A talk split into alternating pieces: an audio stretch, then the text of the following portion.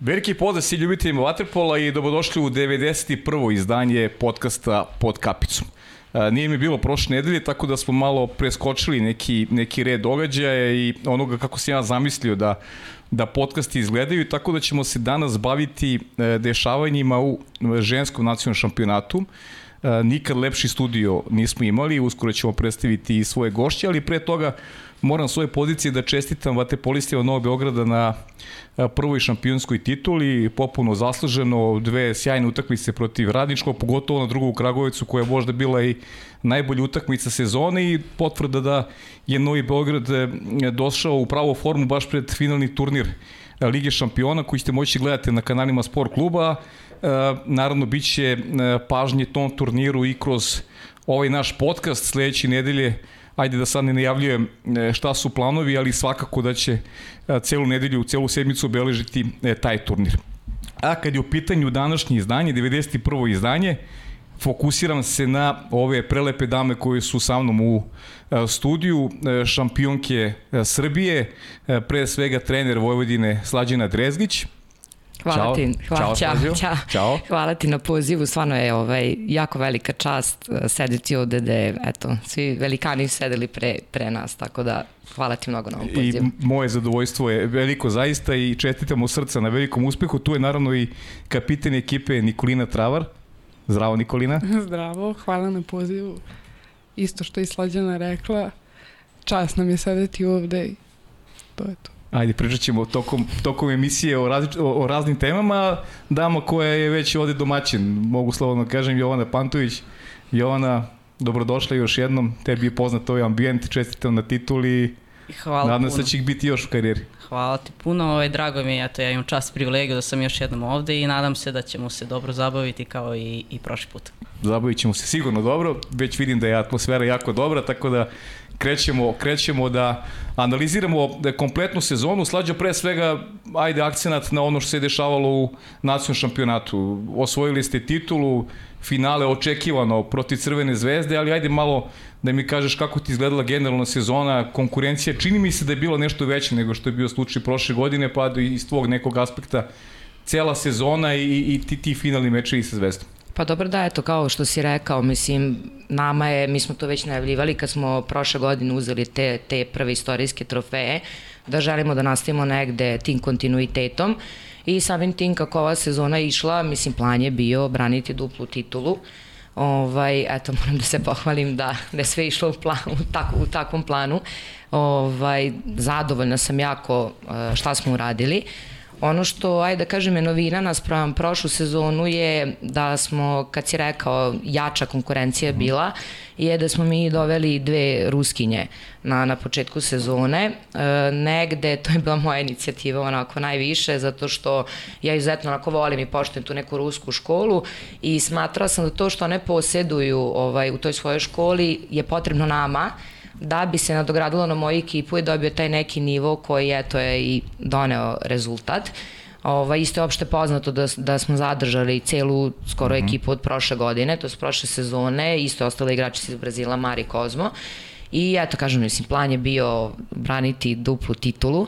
E, I isto tako, ono što smo planirali je da ostvarimo neki rezultat u Dunav ligi koju mm -hmm. igraju ove naše ženske ekipe i to je bila neka konkurencija za medalju ja sam onako smatrala da e, kako je vreme odmicalo i sve, da i realnosti jeste neko treće mesto. Eto, uh mhm. -huh. jedino što sam smatrala da smo možda mogli mnogo bolju partiju pružiti protiv Senteša. Imali smo tu rezultat, bilo je tu do polu vremena i to je upravo onaj kvalitet možda koji posjeduju Mađari nas prav nas dao treće četvrtine ovaj, nije baš išlo kako treba, ali svakako sve što smo zamislile smo ostvarile, tako da nemam ni jednu jedinu zamerku na svoj tim, na sve što se dešavalo, svi ciljevi su ostvareni. Uh mhm. -huh.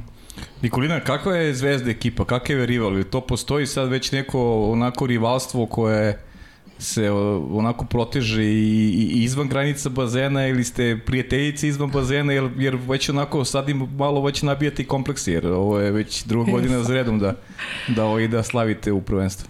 Pa Zvezda nam jeste rival, uh mhm. -huh. ali samo u bazenu. Uh mhm. -huh. Ovako, e, dosta nas veže reprezentacija i tamo e, kada odemo u reprezentaciju i kad uh mhm. -huh. smo sve zajedno, to se skroz zaboravlja. E, klubovi se zaboravljaju, ne pričamo uopšte o klubovima i o našim utakmicama koje smo igrali jedni mm. protiv drugih.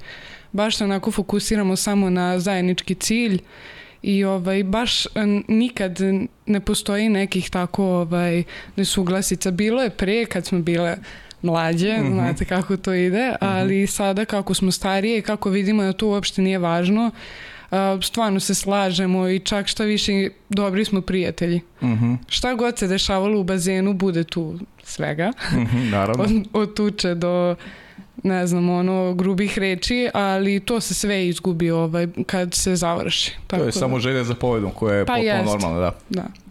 Jovana, kako je, šta je razlika u odnosu na, na tu prošlu titulu pa. Vojvodine? Kako bi ti kao jedan od iskusnijih Pa sigurno da su devojke sazrele mm -hmm. i dobile na samopouzdanju na mm -hmm. osnovu prošle sezone i to samopouzdanje nas je vodilo, opet da kažem, do, do, do rezultata koji smo zacrtali, to je titulu mm -hmm. prvenstvu kup i Dunav Liga koju bi ja istakla kao jednu odskočnu dasku za dalje da vidimo svoj kvalitet.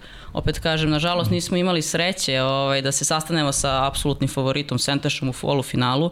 Možda da smo ga zaobišli u tu nekom polufinalu, ko zna šta bi bilo, ali opet a, smanjuje se razlika, što je dobro sa tim mm -hmm. mađarskim klubovima. Ali opet, uh, ono što Mađari imaju, a mi ne, nažalost, je veliki broj jakih utakmica, gde mi možda imamo dve godišnje, oni imaju 22, da se ne lažemo. Uh mhm. -huh. Tako da nadam se da smanjivanjem tog rezultata po, i podizanjem kvaliteta kroz Dunav ligu i domaće takmičenja da će sve biti bolje i bolje. Mm -hmm. Ali opet kažem, devojke su sazrele, odrasli, ako su jako mlade, tako da to je to otprilike što, bi, što bih istakla za ovu sezonu. Mm -hmm. Slađo, e, kad je bilo najteže? Isi, isi imala neku, neku sumnju, neku, neku nervozu naspram e, u pričam sad pre svega o, o domaćem šampionatu, ajde, pošto je titula posljednja koja, koja je osvojena, Uh, kako ti izgledalo to, tvoja ekipa naspram, naspram uh, rivala, ili il si bila sigurno u to da će, da će titul ostati u Novom Sadu? Pa znaš kako, ja mislim, ja sam već jednom rekao da ne volim da etiketu favorita uopšte. Uh -huh. Uh -huh. Ja samim tim tu dobiješ neki pritisak, jel? E, I negde uvek sa njima, kad imamo te sastanke i sve, onako ulazimo u te mečeve, znaš, da bude mirna glava, da ne postoji neka nervoza i sve to, ali ako mene lično pitaš, naravno da sam bila nervozna. Mm -hmm. Mislim, mora da postoji prosto to nešto, jel ono, da će ići se po planu, da ne dođe do neki povreda, nečega u toku tog finala ili bilo čega. Ono što, što bi ja najviše istakla i nadovezala se na, na Pantino je upravo to da su, da je, da je nama falilo, ono što nam je falilo za taj uspeh naspram prošle sezone, upravo to da one sazreju, mm -hmm. ta dva, tri pojačanja kojem smo stalno pričali, znači da, da se dokaže da može taj nivo vaterpola da se igra, Ono što je meni isto bilo drago u celoj priči je da i Zvezda imala isto pojačanja, samim tim se digo taj neki nivo vaterpola, da, da tako istaknemo. I jese, tu su bile vrlo dinamične utakmice, bez obzira kakvi su rezultati. Da je to bilo 6-7 razlike, vidim da se to nešto ovaj, potenciralo, te razlike, ali sa, uh, sama atmosfera u bazenu je onako bila napeta. Mm -hmm. Tako da ovaj, sa te strane iskreno uvek je po, postoji ta neka nervoza, a ono što je meni onako najveći pečat nas prošle sezone ostavilo je kup kad smo odbranile, mm -hmm. znači dru, drugi put, ovaj, to je dupli kup osvojile. Ja, zašto? Zašto baš to? Zato što uh, tu potvrđuješ ono što si pre toga ostvario. Jedna je priča osvojiti prvi put, da, a sasvim je druga mhm. priča braniti to nešto. Mm. Tako da za mene, moram da priznam, ova sezona je onako bila malo stresnija naspram prošla. Eto, mm -hmm. iskreno, to je onako neki, neki moj utisak, kad sam ja zajedno sa devojkama, to je svi mi zajedno imala jako veliko želju da pokažemo da mi jesmo te koje smo trenutno najbolji. Da, super je to teza, zato što generalno u sportu uh, i u drugim sportovima vole da apostrofiraju uh, momci i devojke da im je najslađe da obrne trofej, to im je vajda neka potvrda vrednosti da su na taj pa da. način dokazuju i sebi da su pravi, da to što rade ne samo da ima smisla, već potvrđuje da su da su ovaj na nekom vrhunskom nivou. Pa dobro da, mi smo to prolazile prvi put. Mislim, Tako to je. je za nas prvi put. Jedan deo si uradio, ono što je bilo planirano, sad je bio na red taj drugi deo. Uh mhm. -huh. Tako da kažem, te stvarno iskreno, ne, uh, ako me pitaš da smo imali pritisak sa strane, nismo imali. Znači, uh -huh. to je mhm. više nešto naše unutrašnje što je bilo u timu ili sa mnom ili šta već i mislim da je to prosto normalno što ti kažeš, želiš da, da opravdaš neku ulogu, da trenutno ne bude, to je, ne znam, slučajno je, bila je korona korona je, bilo je ne znam ni ja šta, prosto želja da za tim nekim dokazivanjem koja smatram da je zdrava u svakom sportu, da dokažeš da, da jesi najbolji. Mm -hmm. Nikolina, kako ti gledaš da, na, na svoje partije? Ti si, ti si golman u ekipi, braniš i za reprezentaciju Srbije. E, ili osjećaš da si, da si ti napredao u odnosu na prošlu godinu? Znaš te me zanima, eto sad konkretno Zvezda, ili ima neke igrači su u Zvezdi koje ti onako baš, da kažeš, ne leži, da ti neki njeni šutevi nešto baš ovaj, i, i ne prijeju i da sa nekom možda posebnom pažnjom e, pratiš ovaj, kad ima dotična loptu u rukama? Aha, pa prvenstveno što se tiče mog napretka svakako mislim ne samo da ga ja vidim nego i svi u okolini uh mhm. -huh. više na nekom psihičkom nivou nego fizički uh mhm. -huh. ovaj, zato što eto prošle godine sam prvi put osetila kako je biti prvak uh mhm. -huh. ali sada već ono više značaje pridajem to i nekoj spremnosti psihičkoj I, ovaj, I svakako mislim da sam napredovala. A što se tiče igračice koje smatram onako opasnijom, to je svakako za mene Hristina Ilić. Uh mhm. -huh. Pozdravljam nje ovim putem. Ona mi uvek bila nekako uh, nezgodan šuter uh, uh -huh. i kad god igramo sa njima uh, jedini, jedine igračice koje ja kažem da ne smeju da puštaju da šutiraju su Hristina i uh, sada Grkinja, ali uvek mi je Hristina nekako onako sam ovaj, malo ulivala strah. Mislim, naučila sam je vremenom i njene šuteve, ali ovaj, ona mi je uvek bila nekako opasna i onako kad uđe ozbiljna u igru znaš da od nje možeš najviše da očekuješ. Mm -hmm. Sjajno. Hvala ti na, hvala ti na iskrenosti. Jovana, ti kako, kako, si, ovaj, kako ti ocenjuješ ovaj, generalno generalno sezonu. Pričali smo, po, ponovo ćemo se vratiti na, na to Dunav ligu. To mi je interesantno upravo iz, iz te tačke poređenja sa, sa inostranim klubima, sa mađarskim konkretno. Ali e, koliko si ti sebe ove godine ostvarila i šta je nešto što tebe sada e, što tebe vuče, ili to neka atmosfera, E, kako ste prihvatili ove devojke što su došli iz Rusije? Kako gradite taj neki, taj neki ambijent? E, ti kao jedna od iskusnijih svako da imaš tu neku, neku bitnu, bitnu ulogu. Pa sigurno da je da većina ljudi kaže da je 50% ovaj ta atmosfera u ekipi, mm -hmm. ja mhm. smatram da je dve trećine. Mm -hmm. uh, no ono što mene vuče kroz ovaj vaterpolo jeste to da ako sam ja tu i kako, ako vidim progres tih devojaka oko mene, to je nešto što mene zadržava na toj poziciji, trudim se koliko god mogu da im pomognem, sad u ovom momentu više na psihološkom nivou nego na, na bilo kom, pošto sve mhm. druge nivoje su prešle su igrice, mm -hmm. što mhm. se kaže. Mm -hmm. Tako da sam tu neko ko će da im da savet, ulije mir, poverenje i, i tako dalje. Jako mi je drago što imaju poverenje u mene i što mogu da se oslone u tim nekim situacijama i trudim se da budem, jel te, -hmm. popularna Kijeva. Mm -hmm. ovaj, a što se tiče devojaka iz Rusije, konkretno Mari, počeli su govore srpski i Jesu, da. obe ruskinje već perfektno, a Mari ovaj, tu, tu i tamo, ali zaista je dobro i napredovale odlično. Tako da ta neka atmosfera i hemija koja se formirala u prethodne dve godine je zaista sjajna i to nam je dovelo dovelo do toga da napravimo ove rezultate kako, kako u Dunav ligi, tako i u domaćem šampionatu i što se kaže nastavit ćemo u tom ritmu pa dokle stignemo. Da, vidi se da imate dobru atmosferu, to mogu da potvrdim i pre nego što smo ušli ovde u studiju. Slađuje li to što su devojke počeli da pričaju srpski, mislim na ruskinje, ili to znači da ostaju tu i sledeće godine ili, ili pravite neke pripreme za, moram napravim digresiju, nadovezujem se na Jovaninu priču. pa ostaju. Ostaju, a? Ostaju. Do, ostaju. ostaju. Znači. Ajde, ostaju. neću ti pitam ovaj, ništa, ništa drugo vezano za ekipu, dovoljno si rekla. Ovaj, ili ima nešto da kažeš još vezano za, za to domaću ligu? Ajmo malo se dotaknemo tih drugih klubova. Koliko su drugi klubovi napredovali? Koliko e, s kojom pažnjom sada ljubitelji vaterpola, ljubitelji ženskog vaterpola, ono što ja eto, želim da istaknem ovde, da bih jako voleo da, eto, možda i moja kuća, malo da se potrudimo oko toga da da ovaj se nacionalni šampiona ženski prenosi, da, da, da, da imamo utakmice u direktnim prenosima što bi zaista bilo sjajno vezano i za popularizaciju ovog sporta, pa koliko koliko ti osjećaš da su da su da, da je poraslo interesovanje i da je kvalitet klubova veći, pa malo da im uporediš kvalitet nekih drugih ekipa. Sad pričamo o Vojvodini Crvenoj zvezdi koji su učesnici finala. E, na kom nivou su druge ekipe Pa znaš kako, ja, bi, ja bi o tome mogla pričam do sutra, iskreno. Pa okej. Okay. Mislim o ženskom vatrpu, razvoju i svemu. Pričat ćemo Imamo do sutra. Da. Pričat ćemo da... Hoće biti dovoljno vremena. Ima vremena slađe Pa ovde. vidi Da, ovako, ovaj, mislim, žens, ženski vaterpolo ima neko specifično mesto ovde kod nas, jel? I to smo negde svi svesni. Mhm.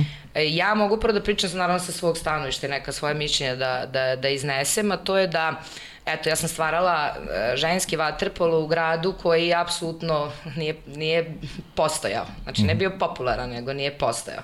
Svi znamo da je, mislim, muški vaterpolo je najtrofejniji sport kod nas u zemlji i smatram i dalje da je ženski vaterpolo poprilično zapostavljen. I e, ako ti pričam o svemu tome, eto, kroz taj neki rad i ljubav koju sam ja imala baveći se vaterpolom, uspela sam da prenesem u svoj klub i na sve ove devojke koje su bile, koje nisu više tu, devojke koje su sada tu ostale i sve to i da napravimo šampionski tim, jel? ovaj, ono što e, je meni, kad smo već došli do tih nekih faza, je da kažem, svi znamo da smo mi imali te neki istorijski uspeh te 2016. 17. Ovaj, 16. 17. sezonu, kad smo prvi put ušli u to istorijsko finale isto sa, sa Crvenom zvezdom. E, i deo te ekipe isto činila Nikolina. Nikolina je čak branila tada i ja moram da istaknem, Nikolina je tada imala samo 15 godina. Ja sam već tada u njoj videola jedan, Potencijal. jedan veliki potencijal i negde sam iskreno znala da to vreme, pošto jel, nismo svoje izgubili smo od 15 utakmica, to ovaj, vodim evidenciju, 15 utakmica izgubio si tu jednu koja te koštala finala.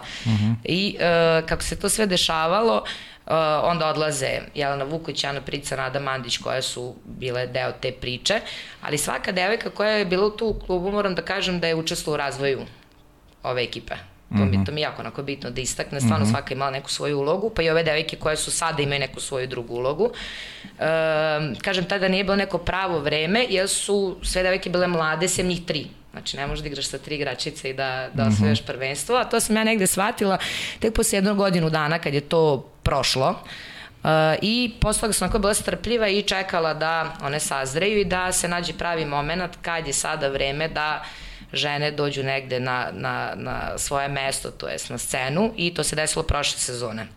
E sada, meni je bio cilj tu se nešto povela priča, pisali mediji, šta je već tu bilo, kog sam ja ispratila, strankinje. Jel? Otkud, Aha. otkud strankinje tu? To je sad onako bio neki bum ovaj, u ženskom vaterpolu. E, po meni je to sasvim normalno. Ako gledamo druge zemlje, Mađarsku, Italiju, Španiju, svi tu koji igraju na, na, na visokom nivou, pa i malo manjem nivou, pa svi imaju strance. Mislim, to je po meni sastavni deo sporta, ali zašto smo doveli strankinje? Pa i zvezda možda iz tih razloga, ne znam, mislim, to, to oni znaju, prepostavljam. Došli smo u hendikep sa, sa domaćim igračicama, da, da, znači mi nismo popularan sport, da ti bilo koji gubitak jedne devojke, dve, tri, nažalost, tebi fale za tim. I to je sad neka po meni onako mnogo ozbiljnija tema, a sve nego onako plan imala u svojoj glavi kad dovedeš strankinje, ti dižeš taj nivo vaterpola i ostali klubovi ćete kako tako morati pratiti ako želimo jedno drugom da budemo konkurencija. E sad to se desilo ja sa Crvenom zvezdom da dolazi iste sezone ko nama ova Brazilka, dolazi njima Kubanka čini mi se i ove sezone dolazi Ana Maglovu isto. Tako da samim tim, ako sad gledamo ove dve ekipe, e, mnogo, mnogo drugačije utakmice naspram prošle sezone. Znači, ja se naravno sećam naši prvi pehara pro, prošle godine. Još je to onako bilo sporo, Još onako nije to bilo to, nije bio taj ritam koji sam ja nešto zamislila, da se razumemo sve išlo kako treba, ali još onako nije to bilo to. Tako da ovaj, sam smatrala da ako na, ti napraviš taj korak, naš klub je to prepoznao, mislim dao poverenje, sve što je bilo potrebno da se tako nešto ostvari, ovaj, podigneš nivo ovaj, tak, o, kvaliteta igre i Ekipe, da. I eto, mislim da se to desilo sa Zvezdom i sa nama. Što se tiče drugih klubova, sad svi znamo da ove sezone je bila ta A i B liga. Uh -huh. A ligu smo činili mi, Crvena zvezda, Partizan i Taš, dok su vamo bile Senta, Valis, Spartak, uh, ko je Vračar, da Vračar. već ko je tu. E, pa, dve potpuno različite priče. Znači, ovde imamo visok, visok nivo srpskog, srpskog waterpola, mm -hmm. onako dosta tri dominantnije ekipe i ovde imamo mlade ekipe, baš mlade. Znači, vidim da je Spartak osvojio B ligu, svaka čast. E, i sam trener je tamo istako da su tamo devojčice u prosjeku 13,5 godina. Tako da je, da kažemo, po kvalitetu smo se rasporedili svi. Ali postoji 10 timova, ali je mnogo, mnogo različit kvalitet, što nije dobro da bi napredovali, igrali dalje, a sve tu utiče i na reprezentaciju i na, na dalju priču. Potrebno je po meni da svaki klub ima jedno 5-6 kvalitetnih igrača da bi mogo da sastaviš samim tim i dobru reprezentaciju. Da, interesantna tema, nadovezat ćemo se kasnije još ovaj, znaš šta me zanima Nikolina, ti kao najmlađa u, u, u studiju uh, i, i osjećaš ti, mislim, kroz ne znam, pričaš sa drugaricama, ti se baviš vaterpolom, kako njima to deluje? Da li, da li ima interesovanja kod, kod tvojih drugarici i kod mlađih e, za, za bavljanje tim sportom? Ili il, il osjećaš da se sada gleda sa onako više značaja na, na, na, na vaterpolo, na ženski vaterpolo konkretno ili, ili smatraš da je i dalje, da je i dalje ista priča kao što je bilo i pre nekoliko godina? Pa mogu reći da otkako smo krenuli e, da donosimo rezultate pehare uh -huh. i, i kada deca vide e, da nekome nešto ide uh -huh. i kad mhm. nas vide stvarno se dive. Baš smo bili ovaj, na promociji sporta među uh, decom iz osnovnih škola, mislim da su prvi razredi bili o, i deca su stvarno oduševljena, ali a, primećujem da većina dece nije upoznato sa našim sportom. Ovaj, a, pogotovo što se tiče suđenja, jer malo je konfuzno i za nas u bazenu, mm -hmm. a, a pogotovo za ljude na tribinama koji ne mogu baš da razumeju šta se dešava ako nisu dobro upoznati sa vaterpolom. Mm -hmm. Tako da tu, tu se stvara neka nejasnoća i, ovaj, i zbog toga deca ne mogu iz utakmica baš e, da ovaj zaključe kakav je waterpolo sport e, zbog toga, ali um, možemo nekom promocijom da utičemo na njih i to nam iskreno i manjka te uh mhm. -huh. promocije ovaj, a, i deca nisu upoznata sa waterpolom kao sportom, pošto je to a, sport u bazenu i teško se prvo je odlučiti na sport koji se igra u vodi. A, prvo se kreće sa plivanjem, ali većina dece se prvo i plaši vode. Mm -hmm. I sad i roditelji su malo skeptični što se tiče vaterpola, a pogotovo kad se priča o ženskom vaterpolu, jer uh, imaju te predrasude kao da će devojke biti građene kao muškarci, mm -hmm. široka ramena, muškobanjaste, ali evo, ako pogledate nas, mislim da to baš i nije slučaj. ovaj... Ne da nije, nikad lepši studio nije bio. Opa, hvala Tako da, a, mislim da ljudi baš nisu upoznati sa našim mm -hmm. sportom i vladaju te predrasude i mislim da stvarno treba a, približiti deci ovaj sport da bi im bilo jasno to je naša uloga za budućnost ovog sporta. Da, super, super. E, Jovana, ti si neko koje, možemo reći, isto sjedila sada već u Vojvodini i iskreno ti kažem i, i e, onako značan si ovaj, sagovornik u smislu i nekog sticanja iskustva publike, tačnije kreiranja mišljenja o Vatrpolu klubu Vojvodina, gde stvari funkcionišu super i to je stvarno za svaku pohvalu. U krajnjem slučaju negde si se i vratila Vatrpolu zahvaljujući Vojvodini. Pa kaži mi, ili imaš e, kako stoje stvari vezano za upis novih e, devojčica, vezano kroz ove vaše uspehe e, pune dve sezone, ili se tu nešto pomerilo, jer najviše se vredno ipak rezultat. Kad imaš dobar rezultat, ti si onda, onda mamac i za, za, za neke druge, ovaj, konkretno sada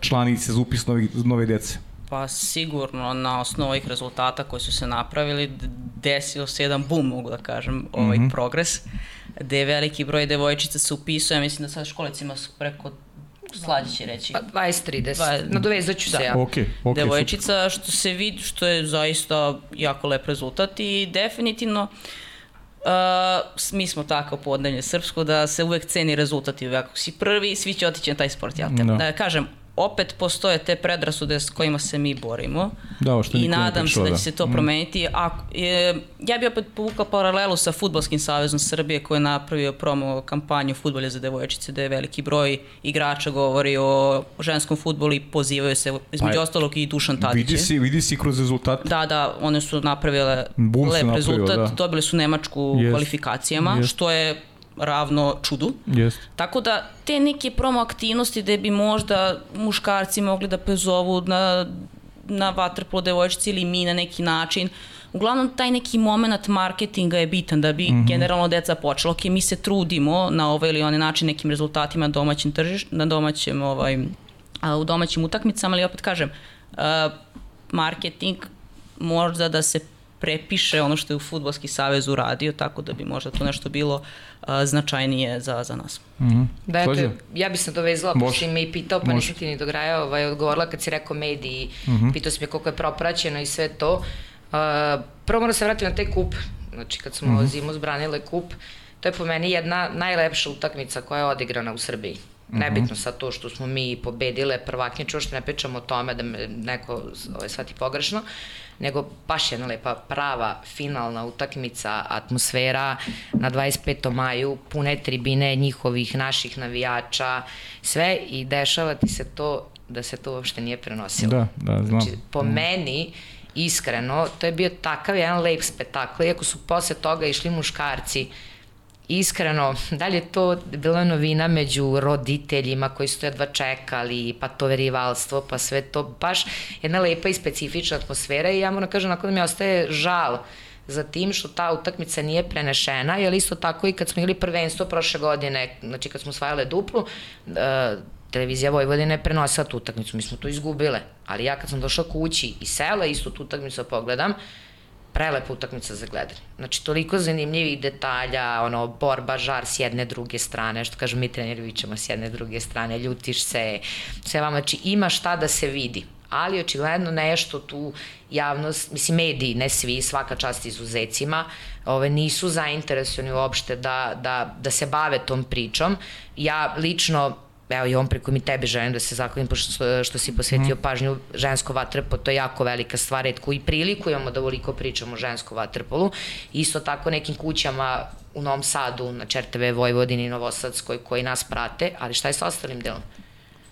Da. Znači imate istog prvaka države gde se nije spomenulo uopšte uh, ok, Novi Beograd osvojio, svi mi znamo, svi smo mi svesni, poštujemo naš muški vaterpolo i sve to, ali su po meni da, žene i dalje onako u potpunosti medijski, znači zapostavljene. Ja mogu da pričam i svoje kuće lično, koliko god se mi trudili da, znači, da upoznaš javnost, a bili smo svuda po emisijama, ti opet, na primjer, eto, doživljavaš to da pola ljudi ne zna da uopšte ženski vaterpolo se igra u Srbiji. Mm. Znaš kako je, po, neću da ništa, po, pokušat ću da, da nešto pomognem koliko mogu u, u smislu tih direktnih prenosa, pa sad vidit ćemo o tom potom, ajde. Govorit ćemo o tome nekom drugom prilikom. Ajde sad manje da, da razbijemo malo ovaj, ovu ozbiljnost, da, da vidimo prvo video pitanje. Koje god ti izabereš. Zdravo, veliki pozdrav za sve u studiju iz Herceg Novog. Imao bih nekoliko pitanja koje bih volio da postavim legendi srpskog ženskog vaterpola Jovani Pantović. Prvo pitanje zanima me kako je protekla sezona u Sentašu u gradu koji znamo da ima jednu iole normalnu ulicu, kakav je život van bazena. A, da li je bilo u tvojoj karijeri nekih golova koje si postigla da će ti uvijek ostati u, u, u sjećanju i kakav je osjećaj bio? A glavno pitanje za večeras, da li možemo očekivati neki povratak u Crvenu zvijezdu, možda već naredne sezone, ili će Jovana Pantović da se oproba u nekom klubu u inostranstvu? Hvala puno. Mogu ja da odgovorim na treće? Možeš, slađo. Evo da ne ide Jovana Pantović nigde. Ne, neće ona niđe. Ne, da mi neće ona niđe. Odmah ću ja da odgovorim. I pozdrav za Sikija, mog druga. Ovaj, Uh, prvo pitanje je bilo o Sentešu. Ovaj, Senteš je super grad za vaterpolo, ali sve ostalo da se ubiješ. Da, baš mi čuo. Znači ovako, ima jedna ulica, tri kafića, četiri prodavnice i autobuska stanica. I sad ti kad završiš trening... Gde si prodala vreme na autobuskoj stanici? Pa, pa preko puta u kafiću, pa... ja u životu nisam pročitala više knjiga nego u Sentešu. To, to, to je super. To, to je hit. Znači. Jer kulturno si se uzdesi. Da, apsolutno pa kulturno. Nemaš ni gde da izađeš osim subotom do pola jedan i onda je fajrant. Mm -hmm.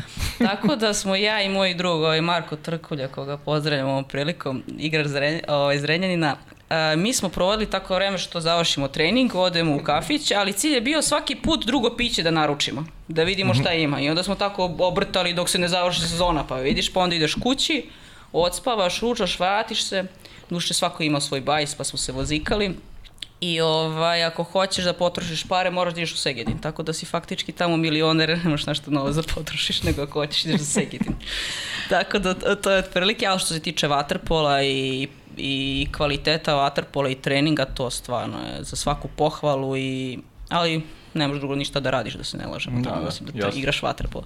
A, drugo pitanje, omiljeni gol, pa sigurno taj gol protiv Nemačke u areni, ta prva utakmica. Da.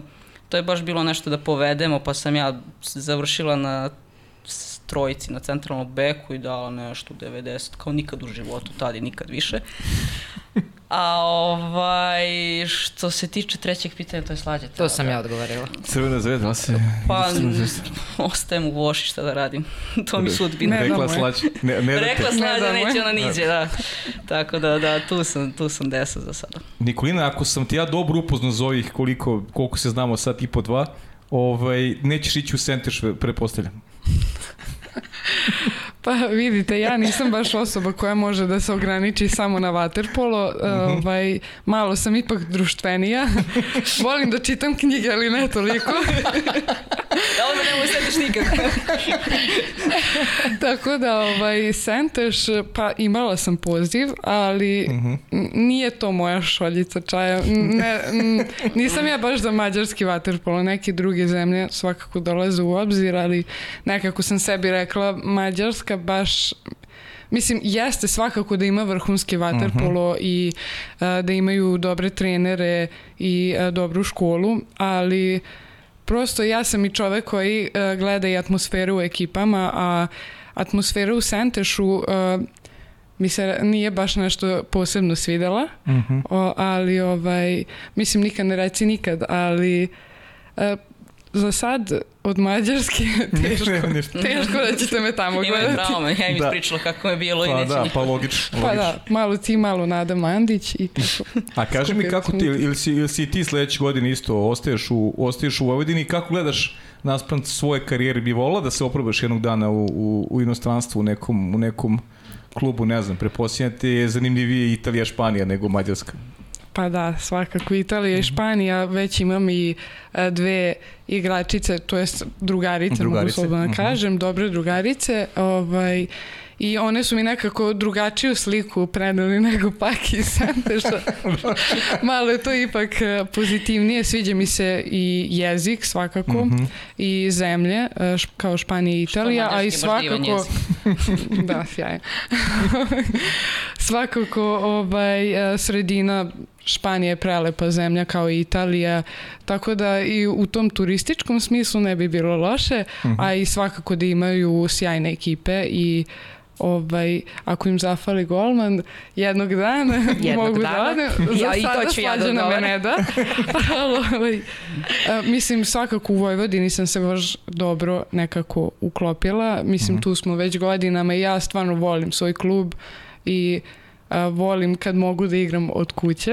Mm -hmm. Vezana sam dosta i za porodicu, a ovaj, u Vojvodini imam neku posebnu priču. Imam a, najbolje prijatelje u ovom klubu i stvarno mislim da je to ono što nas je držalo godinama unazad zajedno uh mhm. -huh. i ovaj stvarno ne znam da li ću igde ikada moći da imam ovakvu atmosferu kao što sam doživela u ovom klubu. Stvarno je mhm. nešto posebno i pre svega vlada prijateljstvo, družimo se i pored bazena, pričamo i o vaterpolu, ali više o drugim stvarima, uh mhm. -huh. tako da uh, Uh, volela bi da ova priča sa Vojvodinom potraje što duže je moguće. Da, i držim palčeve da tako i bude. Slađo, verujem da si i svesna negde da malo se menjaju vremena u odnosu na neki period kada si, kada si ti igrala devojkama je sada onako, da kažem, možda i dostupnije malo više da eto, odu i preko bare da možda se oprobaju u nekom, nekom drugom klubu pa E, kako ti u tom pogledu? Znam da si onako malo i zaštitnički nastrojena naspram i kluba i ovih devojaka, ali svesna si da će jednog dana, da, da, da, da, da će jednog dana i one krenuti nekim svojim putem. Pa vidi, mi, mi o tome otvoreno pričamo. Uh mhm. -huh. Znači, otvoreno je, znaš kako ja sebe smatram i mamom, i drugaricom, i trenerom, okay. i psihologom, i sve. Tako Ovo, i ovaj, treba. Imali smo, imali smo tih priča i naravno, znači, ja sam njima rekao, one su imale neke svoje periode kada su razmišljale o tom inostranstvu, i u redu je da razmišljaju i sada i sve. Uh, znaš kako, Nina što kaže, uh, trebalo je prvo stvoriti ovu atmosferu i sve o, što se dešava između nas i moram da priznam, jako je specifična. Šta to znači? E, iako sam ja njima trener i ja imam neki specifičan odnos sa njima. Znaš, ako mm -hmm. trener sam na bazenu, već vam bazena imamo neki drugi odnos i ja moram da priznam da je to meni posebno drago, što, što mislim da se to redko dešava. Znaš, mm -hmm. da je to jako redka stvar. Ja sam to, moram da priznam, sa, sad sam otišla malo van, ali vratit ću se, izvini. Ovaj, na ovo na Nikolinino, čisto da se doživim onako interesantno i od srca moram onako da mm -hmm. kažem. Ja sam to imala sa svojim trenerom. Mm -hmm. I uh, mi smo imali tu to neko što Nina priča i sad kad njih tako sluša, nego ti objasnim kako mi je Milina tako nešto mm -hmm. slušati, vratim se u neke svoje dane, uh, da je meni isto vaterpolo bio sve, trčao si na trening, išao si tamo, dobro, ajde, ja sam iz Bečeja, pa sam negde bilo ti najboljim mm -hmm. doba vaterpola tamo kad je najlepše bilo i svo moje društvo, moja kuma, svi, znači sve to priča iz vaterpola. I kažem ti, uh, on je nama bio i mama i tata i sve još ono ludo vreme 90-ih i sve to kako je bilo, pa te vodi u Mađarsku, pa te vodi, nema mobilni telefon, nema ništa.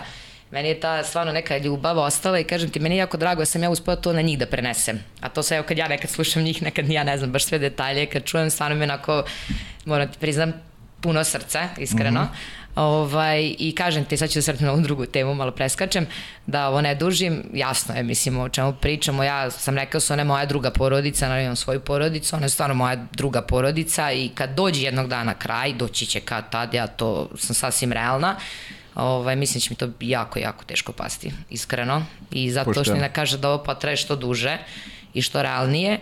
Uh, ono što za njih, kažem ti, bilo je tu imala je Nina sa 16 godina, ne znam da si imala 16 tada, kad je taj stigo neki poziv, pa naša Lolita, evo, već tri godine za redom je, Sentiš traži. Mm -hmm.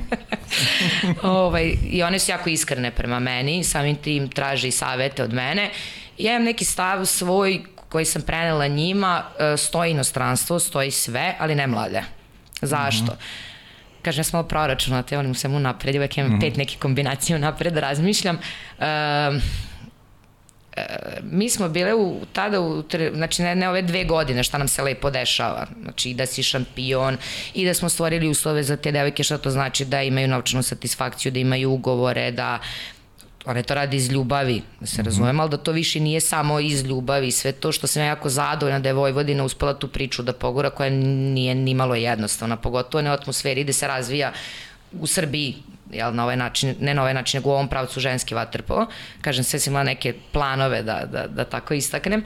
Ovaj, uvek sam im govorila, ako ti si taj nivo, kao što ja mislim da svaki klub posjeduje neki 5-6 igračica onako visokog nivoa za, za našu zemlju, tebi će ponuda uvek da stoje. Ako jednom odeš mlada, po nekoj minimalnoj ceni, ili ajde, moram sad budem surova, jel? Mislim, mm -hmm. to, je, to je realno sporta.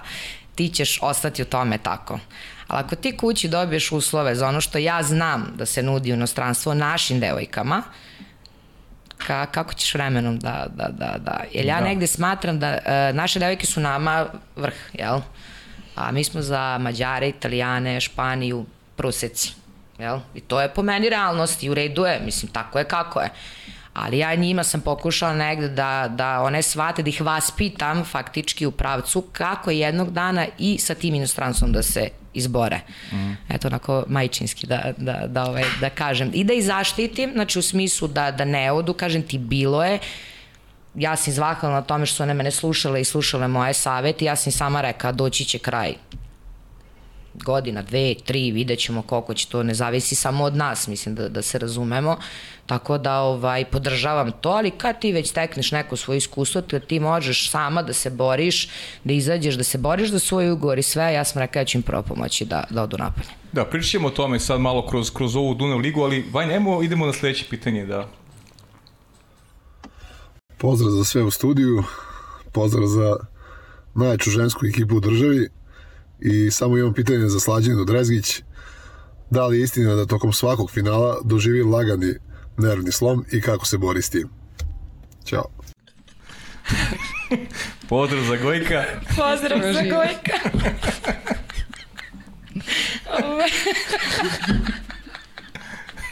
Nisam se nadala ovakvom pitanju.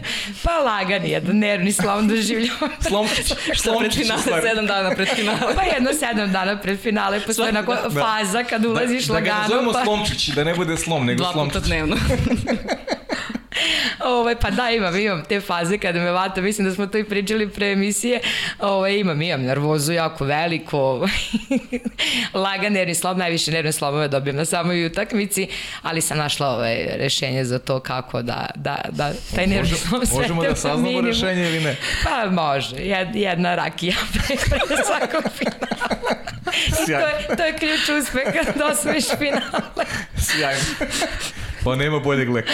Pa ja, Ja se mislim, slažem potpuno. Ja isto. potom iz Vojvodine imamo dobru rakiju, tako da ovaj...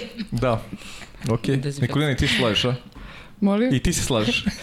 Ja se slažem svakako. Mislim, mi ne smemo, ali zato je slađeno. One to potpunosti podržavaju. Apsolutno. Podržavam. Apsolutno. Nikolina, kako si, kako ti, kako gledaš na, na, na te utakmice, ajde sad eh, Dunav Liga i ti klubovi iz inostranstva, Sentiš i to, kako tebi to deluje sad u poređenju s onim što Mađarska koja ima jedan od najboljih ženskih vaterpola definitivno bore se za medalje na veliki takmičenjima i tako dalje. Gde je Srbija u odnosu na, gde sebi vidiš u poređenju, recimo sad gledaš golmanku Senteša i ti vidiš tu neku, neku razliku ili kažeš sebi, ok, pa ja mogu isto ovako, mogu da napredujem, može Srbija da napreduje. Kakvi ti se procesi odvijaju u glavi kada, kada igraš protiv klubova iz inostranstva? Pa da, mislim, kad god razmišljamo o bilo čemu uh, i o razvoju vaterpola ženskog, uvek dođemo do toga da je um, da slabo promovišemo ovaj sport i da ovaj e, nemamo mnogo polaznika mlađih e, i e, nekako nismo do sad imali nekih finansijskih ovaj sigurnosti da, e, da bi mogli ovako ozbiljnije da se bavimo. To tek sada kreće onako u neku bolju priču i u neku profesionalnost, da tako kažemo, ali do sad nismo imali priliku ovaj, sa tim da se susrećemo, nije bilo finansijskih sredstava i nije se toliko ulagalo u ženski vaterpolo, što mogu da zahvalim gradu Novom Sadu, što su izdvojili sredstva za nas. Uh, I um, baš upravo mislim da je to razlog uh, što se uh, ženski vaterpolo u Srbiji razlikuje od uh, drugih zemalja. Uh, mislim, stvarno, ka, sad ne bi da kažem da se sve vrti oko novca, ali mnogo važnu ulogu nosi jer uh, sad uh, kad imate starije igrače, igračice, koji moraju da odluče šta će da rade sa svojim životom i moraju da imaju neke finansijske dobrobiti. Tu ili uh, ako ne zarađuješ od ovog sporta, prosto ne možeš više sebi da priuštiš da se baviš njime jer i moraš da imaš neka finansijska sredstva. E, tako da tu uh, se gube mnoge igračice, ali sad mogu da kažem da je sve bolje i bolje i da možemo samo da napredujemo ako budemo ako se budemo trudili da podignemo ovaj sport a za ostale e, države mislim oni su to uveli mnogo ranije Mađarski, Mađarska ima e, ima finansijsku pomoć još odavno, tako da normalno je da su i napredovali brže od nas. A i ženski vaterpolo ne postoji baš toliko dugo u Srbiji, polako i dalje se razvijamo a, i to je to, mislim, naj, to je najveća mana. Da. Pa do, dovoljno dugo već postoji, a... Pa ja sam tela da se Da, dovoljno dugo postoji, slobodno Da, slađe. da, pa da, mislim, to je ono što javnost ne zna. Ima vatr po ženski tradiciju od kako. Mislim, 90. imao si tu goste koji isto su pričali o tome, Milica je tu bila. Da. Bečeke su to vreme, ti 90. bila jako dominantna, ja potičem iz te škole vaterpola. Evo upravo ću napravim jedno poređenje. Sa šta se umeđu vremenu desilo, ne znam. E, dok sam ja bila igračica, mi smo igrali samo Mađarsku ligu, pošto je jedino Bečet do 2000. te postoje kao ženski tim. E, pre toga Aca Krstonošić imao veliki uspeh na tom e, Evropskom, evropskom mm da, prvenstvu i sve. Eto i njega bi ovaj putem pozdravila mog bivšeg trenera i moju veliku podršku isto. E, moram da priznam, u to vreme kad smo mi igrali Mađarsku ligu, znači ja sam igrala protiv istih tih ekipa, Senteš, Dunaj Varoš, Eger, Kečkemet, ne znam koje su još tu, nema, nema gde nismo išle, e, mi smo ti se borile uvek za ili prvo ili jel, treće mesto. i bile smo, znači, fenomenalne. Šta se dešava tu posle? Ja znam kako su i, i moj tim nestao i sve to što, što je Nina sada pričala, ali upravo to, mislim, ženski vaterpol se sveo na ljubav devojaka prema ovom sportu. I onda dođeš u te godine, 18. 19. biraš ili fakultet, ili da se baviš onim. I sad ta, to što si pitao, svi mi negde se divimo, patimo, maštamo ili kako već za ta Španija, Grčka, Mađarska. Iskreno, mene lično više fasciniraju Španija i Grčka i Ruskinja. Znači, Ruskinje su mi ono, da, mašine. To, to sam primdao Maši, sam ovaj... Da, one su mi mašine. Uh, valjda naš mentalitet pa mi leži, ne znam, mm -hmm, eto, mm -hmm. ovaj, specifični, specifični smo. Uh, I moram ti reći to što je Nina reka, znači tu prosto se sport profesionalizuje, nema tu šta previše nešto polemisati. Tamo se sport profesionalizao, znači nudi se neka mogućnost devo, devojkama da ujedno i studiraju i da imaju neku platu i da se ozbiljno bave time i to je razlika prosto između, ajde da se vratimo malo bliže, Mađara i nas. Jel? Mm -hmm. ne idemo sad u Italiju, Španiju ili gde već, nego aj pa pričamo samo u susedima. Pa pričamo, eto, taj, ta da. Dunav Liga, recimo. Da, pa, to je jako dobra ideja. Mm. Pa ja bih da se nadovežem da taj period između 18 i 23 je definitivno najveći odliv igrača, ta, a tada ti ti igrači najviše treba, jer to ti je neka baza za, za dalje. Mm -hmm. Tada se, su igrači na neki način već formirani, a oni ti odlaze, a najviše ti treba taj neki uzrast, da kažem, mm -hmm. i mi gubimo. Mm. Nivo. Gubi, da. da, i zbog nedostatka sredstava Absolut. završavaju karijere, koliko je samo tvojih ovaj, vršnjakinja, kaže, završilo karijere, nisu vatru. Po krajnjem slučaju ne bi bilo Vojvodine, ne bi, ni ti ne bi igrala više Pa ne bi. Pa bukvalno to, to, to, da. Živa. Pa jeste, to je živa da, istina. Ja to, sam da. čula da Panta završava karijeru. Da. Nije to nešto ni previše smisleno i ona se bila iznenadila, kažem ja svega sećam. da. Panta me odbila prvi put, inače to moram sad oko javno da Aha. da kažem, onako vrlo brzo, nije čak tada da me sasluša ništa, ovaj, bila ovako vrlo rešena da, da se ne da vrati da više ova trpolo. Ja sam to čula i po meni je prosto u tom periodu uh, a, bilo absurd dozvoliti da izgubiš takvog igrača. E sad, ja sam u tom, ne ja, naš klub je u tom periodu imao neka sredstva koja su bila minimalna tada da, da nešto pokreneš konačno i kažem eto kad sam Patu prvi put pozvala Panta me odbila. Da, apsolutno. Tako da ovaj, ali posle dva dana po noći mi je stigla poruka. da, devojke, znate šta je meni fascinantno? Nama je očigledno kad, kad prođemo sad evo, kroz istoriju neku da je nama e, vaterpolo u genima Da. I, I kao što su muškarci dobri, tako da mo, mogu i devojke budu dobri. Da. Pitanje je samo odnosa prema, prema ženskom sportu. Kad može futbol da bude tako dobar, lepo si dala primer i ja sam, nisam ni znao to kad sam vidio, nisam, nisam mogu da verujem da je Srbija dobila Nemačku u futbolu. Dakle, to možda se uradi u vaterpolu, samo treba pa adekvatan odnos i pomoć pa, ženskom vaterpolu, upravo to, da devojke ne odlaze i sporta sa 18, 19, 20 godine već da ih se stimuliše da ostanu u sportu. Pa sigurno i savez da pokaže malo veću inicijativu, kao što je futbalski savez to, to da. uradio. Tako mm. da, eto. Mm. Pa treba, treba. Slaži, imaš neki predlog vezano šta, šta treba da se šta treba da se uradi o, ja znam da je to neisrpna tema, ali mislim da je ovo prava prilika da, da, da pa o toj temi pričamo. Ja mislim treba posvetiti se žen, razvoju žensko, aj pričamo vaterpo, razvoju ženskog vaterpo uporedno sa muške vaterpo. Nikad mm. ne znaš kada će ti zatrebati, jel? Mislim, ja mislim da smo mi prvi primer, eto. Jel? Prve trofeje u naš klub smo donele mi, to jest ženska da, da. ekipa. Znači nismo mi ŽVK, mi smo ženska sekcija Vatrpo kluba Vojvodini, mi smo doneli te, te prve istorijske, sve što mi osvajamo to je istorijski. Tako da ovaj, mislim da treba posvetiti mnogo, koliko sad to zvučalo, kao treba, ali stvarno treba posvetiti mnogo više mm -hmm. pažnje. Znaš kako, mislim, ja sam bila deo te reprezentacije i, i lepa je to priča i sve, ali ja opet kažem, e, to se sve sada na ljubav ti devojaka. Ja sam bila u stručnom štabu da ih i kritikuješ i ajde trenira i ujutro i dva puta dnevno. I mi onda to njih teramo da oni budu profesionalci, a šta im dajemo za uzvrat? Mm. Eto, a, to je po meni onako. A čekajte, je li dobra ova, je li dobra ova priča sada što klubovi moraju da imaju ženske, ženske sekcije? Sad samo je pitanje e, da li se adekvatno radi sa tim mlađim kategorijama ili ti samo formiraš prvi tim pa pa dovodiš, dovodiš igračice za prvi tim. Sad, evo, sad imamo primjer Partizana koji je bio dobar ove sezone, ali ja nisam siguran da Partizan ima mlađe selekcije, ili tako? Nema mlađe selekcije, već Pa- ima samo prvi tim. Da, dobro, to je, to je specifična situacija, su zna, se zna da su devojke iz Palilule prešle, Prešlo u Partizan. Partizan. E, Znam da radnički ima, to su mi pričali ovde i i Juga Vasović, Nikola Tomašić da se upisuju u Kragujevcu devojke. Da, su... e, na primer, pa ima interesantna priča, pazi, mi radimo na, na ženskim selekcijama, ja, mislim, nisam to nešto provlačila, Panta je se o to malo pre spomenula, tim uspehom su stvarno došle devojčice. Znači, imamo i neki tridesetak u, u školici, što od početne to nekoj grupe su učestilovi, što sad već pre takmičarskoj kategoriji. Evo, baš za dve nedelje ću igrati prvi put takmičenje sa generacijom 2010. i mlađe i još za dve nedelje 2008. i mlađe. Znači, postoji razvoj, lepo to radi Crvena zvezda, mm -hmm. ovaj, mi smo to isto lepo radili, ali mi smo imali taj neki jas, hendike prosto, neinformisanost i svega, a moja poslednja ta neka mlađa generacija je bila 2000. mlađe i 2003. mlađe, a to je moj sad prvi tim.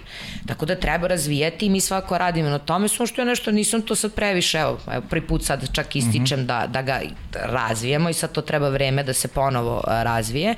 A što se tiče Partizana, mislim da su oni na nekoj početnoj tačci, očigledno imaju neku zamisao, ja stvarno ne ulazim u to šta, šta oni žele da, da, da urade.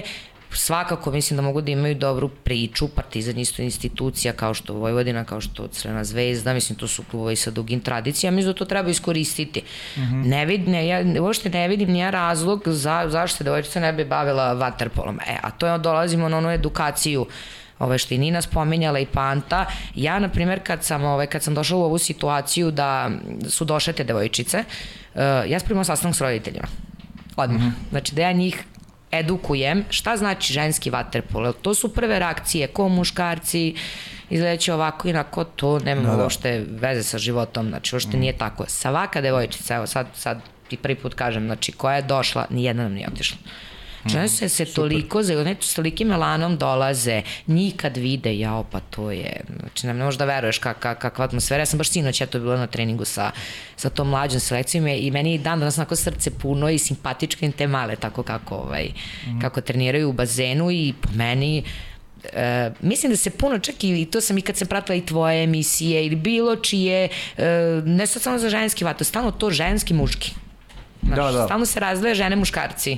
Da, da, kao da... Možda i to malo... Kao za muškarci je super, a za devojke da, kao... Da, znaš. Na, najbolje, znaš, znaš ko je najbolje ovde? Ti si možda, tebi se možda i priča, Perica Bukić je zaista onako da. najbolje dao definiciju. Ok, njegova i čerka igra vaterpo, ali ono, stvarno, mislim da je neka definicija prava njegova vezano za ono, lepe devojke, zgodne devojke, lep sport.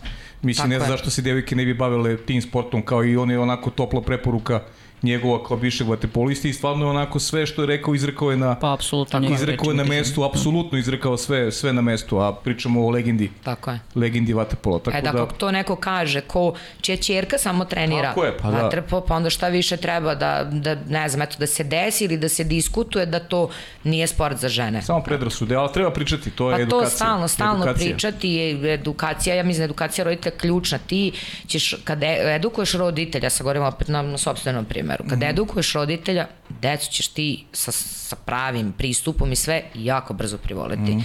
Da zavole bilo koji sport, mislim da, da se razumemo. Tako da eto, ne znam, mi to doživljavamo, nažalost, to su još mali brojevi kad mi upravo to, pa ti, ti tog broja sa 30, 20, nažalost, umesto 50, 60, ostaće ti, možeš bogati, ostane 50, Da, da. Pa za koju godinu kad uđe prvi tim, ti ostanu dve, tri i tako, znaš. Konstantno, da. Da. Uh, Nikolina, znaš šta je sam mi pala pamet kad sam slušao sam Gojka, ovaj, bili su ovde ta, samo već možemo kažemo čuvena novosadska škola golmana, i Gojko, i Bane Mitrović, i Soro, i, pa i Lazar Dobložanov u krajnjem slučaju, da. Ovaj, znaš što su mi većina njih rekla? Gojko eksplicitno. Što si ovaj, počeo da braniš, pa mrzalo me da plivam. Ja? E, to kod mene slu... baš nije slučaj. Nije, nije. nije. Mislim, kod mene onako malo specifičnija priča, ovaj, mm. sada moje dve sestre su trenirale sa mnom mm -hmm. e, i one su čak i više od mene, čini mi se, i sada Slađana je nas poređala ovakvu vrstu i onako nas gleda, odmerava i kao koja će bude golman od Astrid? ja kao, pa mogla bi ja, kao što da nešto da ne probam to, zato što sam ja, uh, znate onako u futbalu kad igrate u, u, u ulici, u kraju, ovaj, uh, onaj igrač koji je smotan, stave ga na gol. A to sam bila ja. I ja sam se tu dosta dobro pronašla, nije mi loše išlo i onda sam kao ovaj, po, podvukla paralelu i kao ako mi u futbalu ide ok, što ne bi probali u vaterpolu. Kad na kraju ispostavilo se, bila sam u pravu. Da. I ovaj, eto, tako je. Tako sam ja došla, a obično uh, jesu golmani ti koji, koje mrzi da pliva. Mm -hmm. Ali ja, ja stvarno, stvarno nisam bila takva. Čak Slađana se jednom pokajala što me je stavila na guvo, pošto sam ovaj, volela da plivam. Vol, volela sam da budem uh, sa, stalno sa mojom ekipom ovaj, tim drugaricama, nisam voljela da se izdvajam.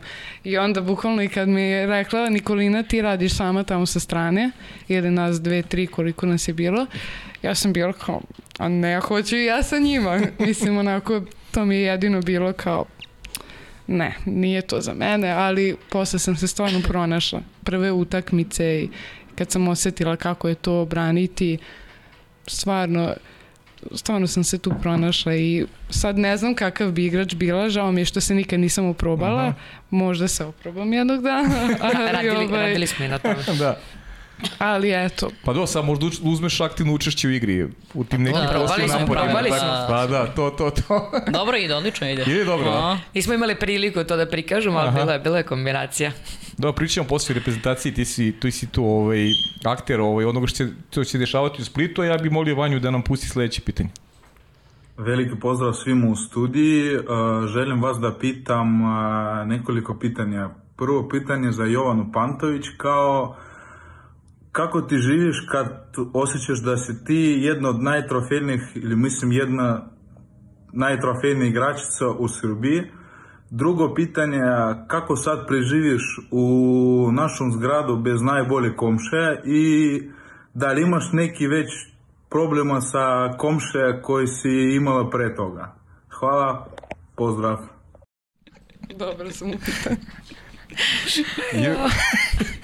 Ivan Kus, ja ga pitao, rekao sam mu juče da ima da bolje priča srpski nego ranije. Kaže, da imam, kaže, kolege, iz, e, igram, kaže, sa igračima koji su tu iz regiona, pa, pa vežbamo stavno. Ne, odlično mu ide srpski, ovo, da. perfekt. Uh, prvo pitanje kako bi uh, kako se osjećam se najtrofenija? Sa, da. Da, pa uh, iskreno ja nešto ne obraćam pažnju, na to nikad nisam obraćala pažnju ovaj na tu neku statistiku iza sebe, ali baš pre ne znam par dana mi trener Mitar sedeo sa mnom i pitao me kao, koliko ti imaš paki trofeja? I onda sam ja sedela da računam i to je već neki dvocifren broj bio, tako da sam se ja sama iznenadila. Ovaj. Ali nekako sam tako vaspitana da sve što je bilo ubrzo zaboravim mm -hmm. i krenem opet iz početka, jer ja mislim da je najbitnije da to ostaviš iza sebe i da budeš dovoljno gladan da nastaviš tim tempom. Mm -hmm.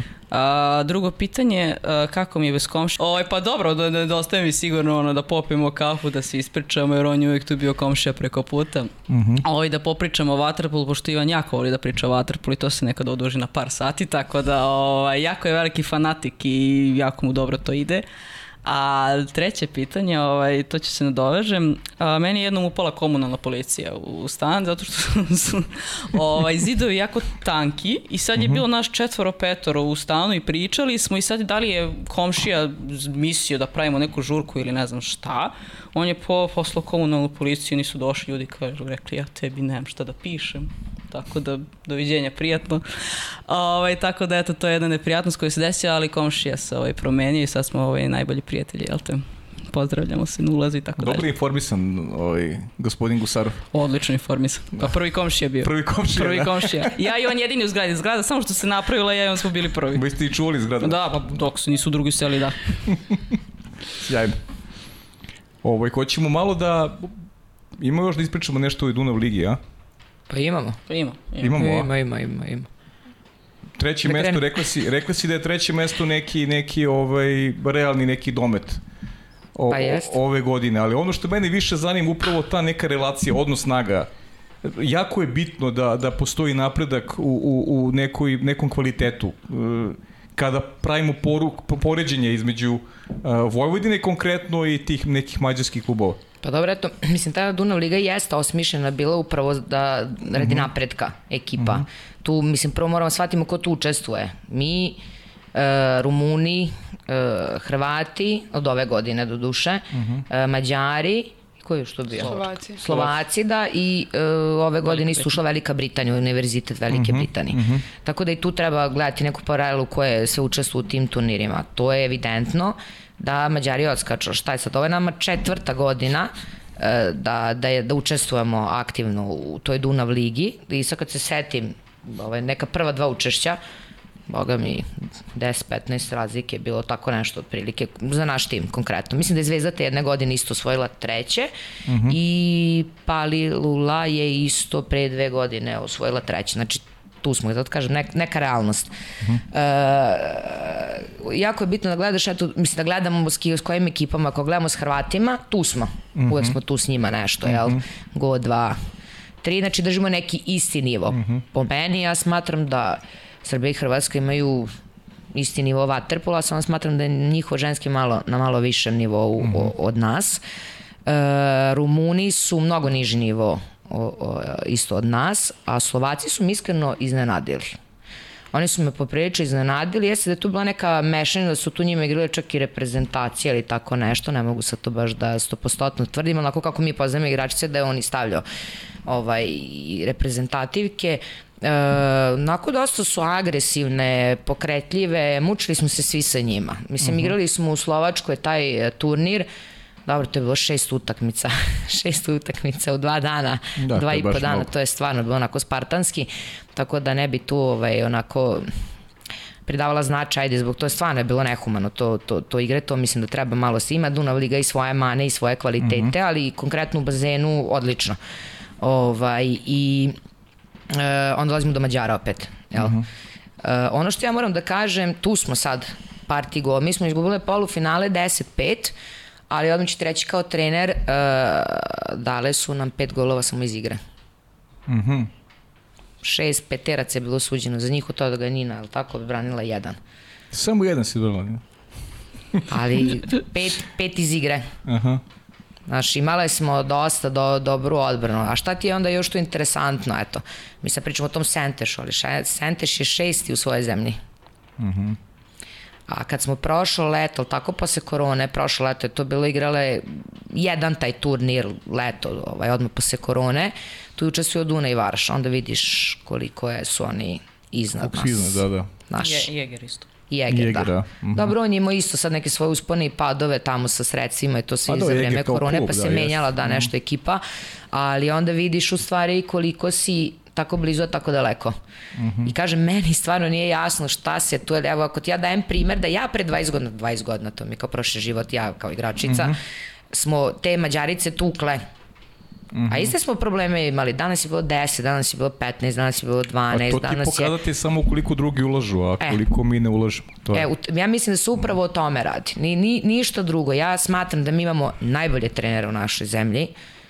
I za muški, i za ženski vaterpolo, mislim, ajde, mi smo mladi neki treneri da tako, tako istakne, nismo mi još, ali imaš ljudi koji se bavili time dosta dugo, a šta se dalje tu dešava, to mi je onako i meni lično enigma, zašto? Zašto? Zato što, a imaš, a imaš uspeha u, pritom muškom. Mislim da muški treba samo da budu isto onako vetar u leđa za, za, mm -hmm. za, za žene. Šta ti misliš ono, da ne da im Nikolino svojim pitanjem, ipak je ona mlađe, šta ti misliš, šta se tu dešava, šta ovaj... Pa definitivno, definitivno, kažem, možemo mi sada pričamo o marketingu, o promociji, pa, novac je nešto što pokreće sve, kažem, mm. opet, da se, da se vratim, um, ako imate studentkinju koja će za tri dana rada u gostiteljstvu da raditi više nego na bazenu, naravno će izabrati to. Mislim da se mi ne lažemo ovako, tako da a, mora da se napravi neki sistem finansiranja igrača, da se zadrže taj a, uzrast između 19 i 23 4 i naravno a, u, da se uključi savez u sve to na malo viši nivo. Uh -huh, uh -huh. To je to za početak, jer nama sigurno treba jedan ili dva olimpijska ciklusa da bi mogli da se nadamo ne, nečem većem u ovom momentu. Znači ta generacija Ninina, da se ozbiljno zagrize, da ovaj split bude neka polazna tačka i da se 2024, 26. 26. da to bude neki vrhunac, da se postigne što bolji rezultat, jer nažalost 2006. neću da pričam jer nisam bila u tome, 2016. sam bila. Mislim da nije najbolje ispromovisano, a, i da je to možda bila loša situacija. Nadam se da će se greške ispraviti naredno evropsko prvenstvo, da će one zabeležiti dobar rezultat. Mm -hmm. Nina, kad pričamo o tvojoj generaciji, šta vi devojke pričate između sebe? Ovaj, ili imate motiva, ljubavi, želje dovoljno da budete istrpljenja u krajnjem slučaju da eto sačekate tu vidi 26. godinu da pokažete da, da, da Srbija može i da onako na najvećoj sceni da da bude rival ovim najjačim selekcijama. I kako ti izgleda kad igraš protiv klubova koji, za koje znaš da su objektivno kvalitetniji kako tu izgleda neka tvoja priprema u glavi? E, o čemu razmišljaš? Na što si fokusirana ili analiziraš e, protivnice ovaj, pre nego što, što uđeš u bazen? Uvijek me zanimalo taj, taj, taj deo priče Pa svakako da imamo neke planove u glavi uh mhm. -huh. za naredna takmičenja. Svakako najveći cilj je ta a, 2026. evropsko prvenstvo gde smo mi domaćini. Uh, mislim da možemo da napredujemo do tada. Uh, svakako ovo u Splitu će nam biti dobra podloga. Uh -huh. uh, I imamo tu neku priču u ekipi, imamo uh, te igračice uh, sa, na vrhu sa Jelenom Vuković, Nado Mandić uh, i stvarno u, što se tiče reprezentacije uh, atmosfera je dobra i mislim da je to naj, najvažnije uh -huh. da se mi kapiramo u bazenu, da želimo to i da se da stvarno uh, atmosfera je sve bolja i bolja i E, nije to više kao pre kad odeš na pripreme za takmičenja da e, ti, su ti samo treninzi u glavi da e, bukvalno jedeš, spavaš i treniraš. Sada smo malo to izmenili, mnogo se više družimo nego ranije, uh mhm. -huh. igramo uno karte, uh mhm. -huh.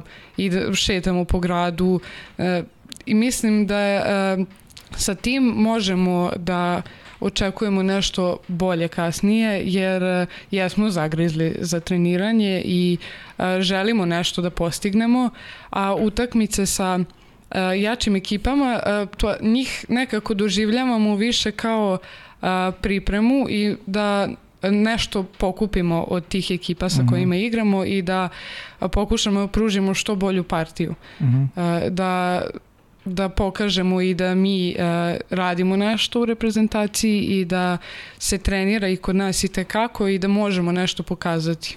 Uh mhm. -huh. Tako Super. Ajde mi, Vanja, pustiš ono pitanje.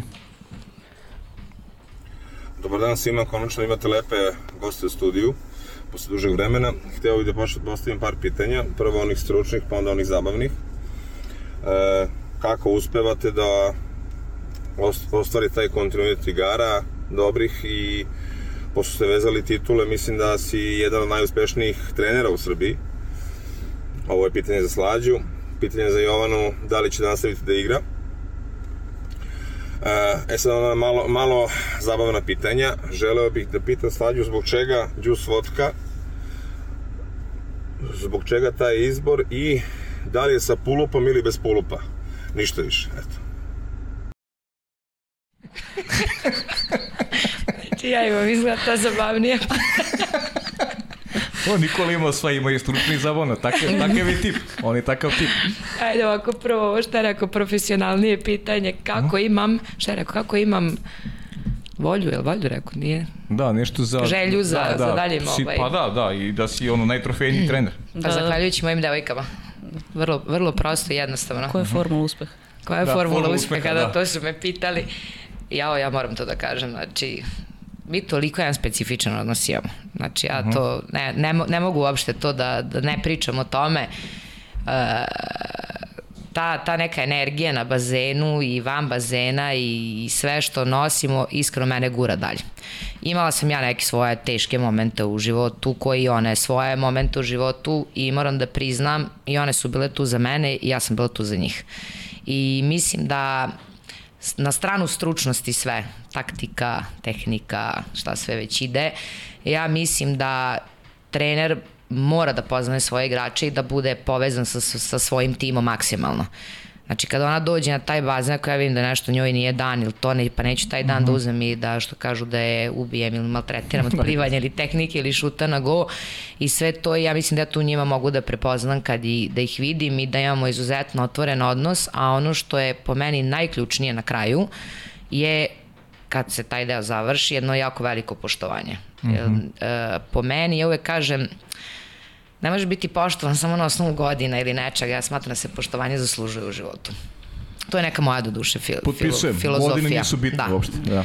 I mislim da između nas to postoji i to je nešto što ja sa velikim Milanom zbog toga dolazim iskreno na bazen i sve i, i kad mi nekad imam i ja svoj dana koji njima kad se ne trenira, tako se meni nekad ne drži treninga, ali kad vidim njih kako me onako dočekaju raspoložene i sve, znači odmah se sve to promeni i ovaj tim i devojke i pre njih koja je još tu, koja kažem, kojih otiša, ima neke devojka, naravno što je upravo zbog te priče mm -hmm. o mhm. životu su, e, nisu moga da, da, da izdrža ovu priču, ovaj, ono su ne, neverovatno nešto ostavile iza sebe i ne, ne bi to menjala ni za šta na svetu. A što se tiče najboljih trenera, I ovo za džus da fotku. Ne, nemoj za džus fotku, nemoj da nam to obilaziš. Pa de, desile su mi se dve, dve lepe stvari, sad ću ajde malo sebe, sebe, kako kažem, sad će budemo onako, ne volim, ali ajde, kad je to spomenuo, ovaj, da, desa se terna lepa stvar, što sam onako jako bila iznenađena, dobila sam tu Spartakovu nagradu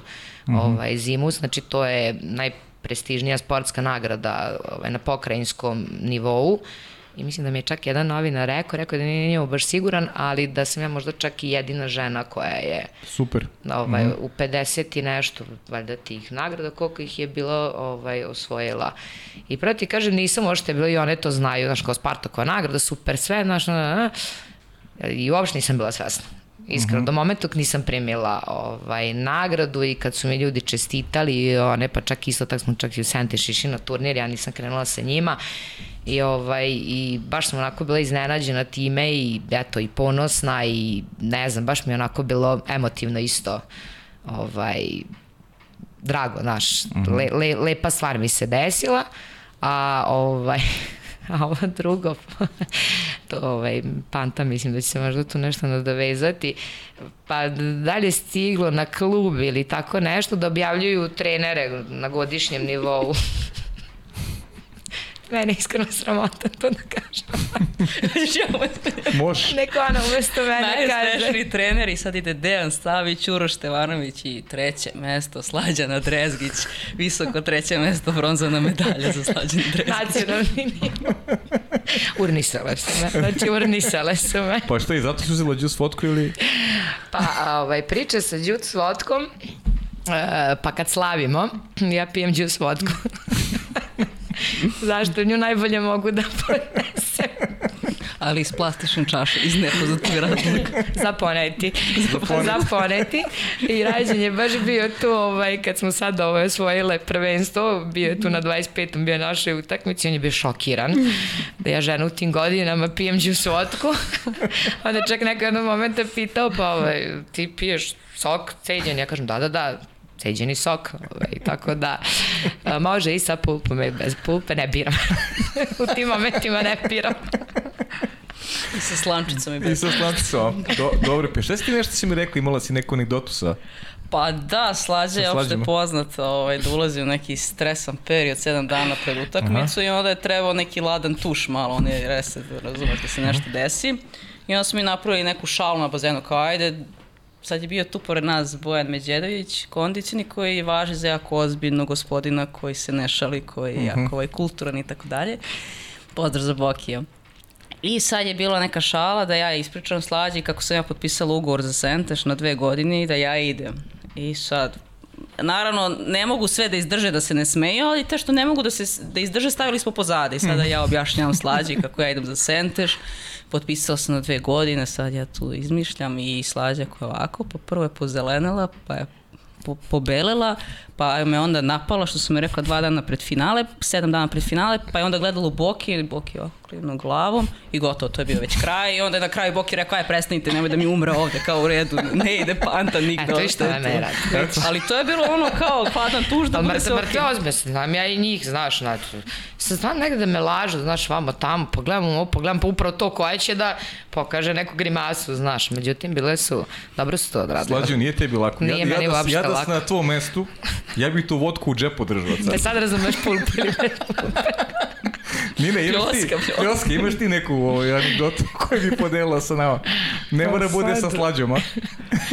Sve su sa slađom. Sve, sve, sve su sa slađom, a? Slađi inače zna baš da prihvati šalu kako treba, tako da... A inače kad E, putujemo, super, kad slađa da. spava, svi spavaju, kad se slađa probudi, svi se probudimo. Da.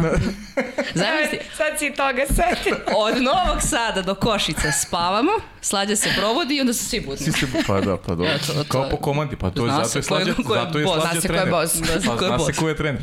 A, Nina, ne pada ti na pamet ništa, a? Boga mi stvarno mi ne pada na pamet. Uvatio si je sad. Ili ne smiješ da Sad izvršiš? si me u nespred. Pa neke nisu baš za javnost, E, pa dobro, tako da nećemo. te, nemoj, molim. Ne, ne, to što je za javnost, to ostaje samo među vama, tako i treba da bude. I to je slađe ono malo što si rekla, to je stan, mislim, to je negdje i kroz život, znaš, a, a postoji samo autoritet znanja, a ne autoritet godina, mislim, to je smešno, možda neko da ima i 60-70 godina, ako nema znanje, nećeš da ga prihvatiš, ali ako Pa, neko mislim- ima znanje, ima 30 godina, 25 godina, ti ćeš njega priori da prihvatiš i da, Da. slušaš. I to je jako bitno za, za te mlade igračice u ovom slučaju da... specifično i za žene, Da. mislim, moram i mm. to da kažem, znaš, te, teško je prihvatiti, ovaj, ja se negde kroz, ti, kroz to iskreno vala u život, mislim, mi smo svi, devojke su kulturne, vaspitane, to, to neću ni da pričam, znači, to, mislim da za sportista uvek to važi ta priča, ja je potvrđujem samo, i ja sam negde tako vaspitana da poštujem starije i, sve- i sve to stoji, i uvek ću imati poštovanje, znači da se ono pričamo na ulici, javiš se dobar dan, Da. dobar dan, osnovna kultura neka, ali ako pričamo o nekim poslovnim ili, ili, ili tako nešto, eto ja lično sam se stvarno vodila time da se poštovanje u životu za, zaslužuje sad. Da li radom, da li rezultatima, da li ne, nebitno mi je. Po meni moraš to da zaslužiš, ne da se pojaviš tu i sad sam ja to i sad ćeš ti meni kao tu nešto da, da poštuješ. Tako mm. da mislim da je to jako bitno i izgraditi. Eto, ja sad kad onako rezimiram sve, sve u ovih 10 godina, pa ja sam počela s 27, nije isto i sad imam 37, prošlo je onako, imala sam ja perka, nisam imala sam opouzdanja i, i sve to, uvek sam imala negde svoj stav, mislim da nisam imala negde neke svoje stavove, da ne bi ni, ni, ni došla do, do ovih stvari, ali kažem ti, eto, ono što one prema meni iskazuju i ja znaju i one koliko ja njih poštojem isto van bazena i sve to, definitivno, a pogotovo što su žene specifičnije mnogo u radu i, mm -hmm. i svemu i mislim da ih moraš osetiti, ovaj, mora da, po, da postoji i takva hemija i takav odnos. Nemaju svi, ja sam toga svesna, ali ja sam to što jesam i, i takva ću ostati verovatno sa kim, s kojom god generacijom mm. radila. Možda eventualno malo strožija nek što, što sam bila, ali ovaj, eto. Nina, aj malo da, da nam predstaviš sebe, ovaj, da mi kažeš u krajnjem slučaju kako se desio vaterpolo, zbog koga se desio da da mi ispričaš eto te neke neke ovaj neke svoje početke ili imaš neka druga sportska interesovanja, pričala si malo pre da si čak stajala između stativa i, i igrala, Da, igrala da, je da. A to je ovako, Ovako prijateljski. da, prijateljski, ali ajde kaži mi ovo, eto, vaterpolo, kako se desila ta ljubav? Generalno i ko je, ko je kriv po znacima navoda za, za tu ljubav? Pa svakako desila se poprilično spontano ta ljubav prema Waterpolu. Ovaj, krenula sam, pa to je sad već 2012, Mhm. 10 godina, Ha, ko bi rekao. A, 2012. baš je bilo i hladno, čini mi se februar, a, a, drugarica je to predstavila kao plivanje. Kao, ajde idemo na plivanje, ja sam krenula, ajde ti sa mnom. I sad e, mi smo bili u mojoj kući pred mojim roditeljima i oni sad pa kao ajde što da ne pa kreni i ovaj oni su se složili i ja došla na bazen i sad e, mislim da je bio petak a petkom se išlo na go e, i dolazim na bazen i vidim golić mali za vaterpolo i kao šta je ovo pa nije ovo plivanje kao i e, e, ona kao, a ne, mi to zovemo plivanje, ali to je vaterpolo. Kao vaterpolo, nisam znala baš ni šta je vaterpolo. Mislim, tu negde muški, pošto je bio trofejan mm -hmm. godinama bila sam upućena, ali nisam znala šta je vaterpolo uopšte. I međutim, baš sam izgleda u pravom momentu ubola, pošto su treninzi sa golom uvek bili najzanimljiviji i meni se to svidelo, ja sam nastavila tako spontano i ovaj, upoznala dobre prijatelje ko, koje, koji su mi najbolji prijatelji i dan danas i mislim da su i za ceo život, tako da mm -hmm. tako nekako skroz spontano je krenulo i tada uopšte ne bi uh, ni pomislila da će to doći do ovog uh, nivoa sada mm -hmm. uh, i do ono praga profesionalnosti. Da, tu su vratno i negde i treneri uticali da, da se ta ljubav negde i učvrsti i da... Pa jeste, svakako, tu je da. Slađana imala velikog udela. Uh -huh. A šta si rekao, gde su i sestre, takođe ovi su se... A, da, trenirale su i sestre, a, sada jedna je još davno ovaj, napustila jer je shvatila da, da baš, baš i to i ne ide, uh mhm. -huh. ali uh, druga sestra ko, s kojom sam baš bliska je trenirala do prethodne godine i zbog fakulteta je morala da napusti. Inače, i ona je i dalje skroz u priči i prati na sve, zna šta se dešava, uh -huh. uh, bude sa nama i na slavljima, tako da ona je i dalje upućena i ona je i dalje deo te naše atmosfere, tako da mi uh, tu atmosferu ne gubimo čak ni kad se razdujemo. Uh mhm. -huh. Pa kaži kako se zovu sestra da ih, da ih ovaj... Uh, Tanja Trobonjača, pozdrav za nju, sigurno će nas uh mhm. -huh. pratiti i Maja Drinić, ovaj, tu smo negde iste godištem, pa, ovaj, pa se inače družimo, tako da prate me i Tako da pozdravljam ih ovim putem. da. E, e, kaži mi, ti si, znači ti si celu, ajde da kažem, karijeru si u, u, u Vojvodini, tako? Tu si, yes. tu si počela, tu naučila, tu si sada stasala u prvo globana, braniš u reprezentaciji. Pa ajde, najbolji je povod da nam ispričaš kakva atmosfera, znamo šta nas čeka, Evropsko prvenstvo u Splitu. Pričali smo ovdje u kvalifikacijama koje su onako bile, bile vrlo uspešne. Ako se sad dobro sećam, jedini poraz od Grčke, tako? Grčka koja je na visokom nivou i dalje i negde, negde su onako za Srbiju i dalje onako sila, ajde pričamo o ženskom vatopolu, nadam se da to neće da traje. Pa kakav, kakav je tvoj pogled kada, kada govorimo o evropskom prvenstvu? Kakve su očekivanja? E, šta, šta možemo da, čemu možemo da se nadamo svi mi koji volimo vaterpolu, koji su dometi reprezentacije na tom evropskom pa prvenstvu? Pa sad, e, očekivanja za, pre, za buduće e, evropsko prvenstvo su svakako prolazak grupe pre svega. Nije nam baš nešto lagana grupa, to ne mogu uh -huh. da mhm. kažem. Imamo ekipe koje možemo da dobijemo, a, tako da očekujemo prolazak prvo, pa ćemo onda da vidimo šta dalje možemo da dostignemo.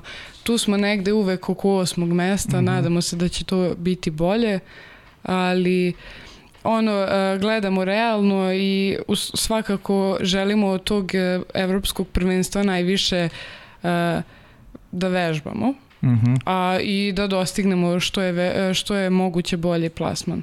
Uh -huh. Tako da, Dobar, to su neki planovi. Još ćemo nešto na kraju emisije da se da se dotaknemo još nekih tema. Vaj najpusti još jednu još jednu video ovaj poruku pa da se malo slađi posvetimo.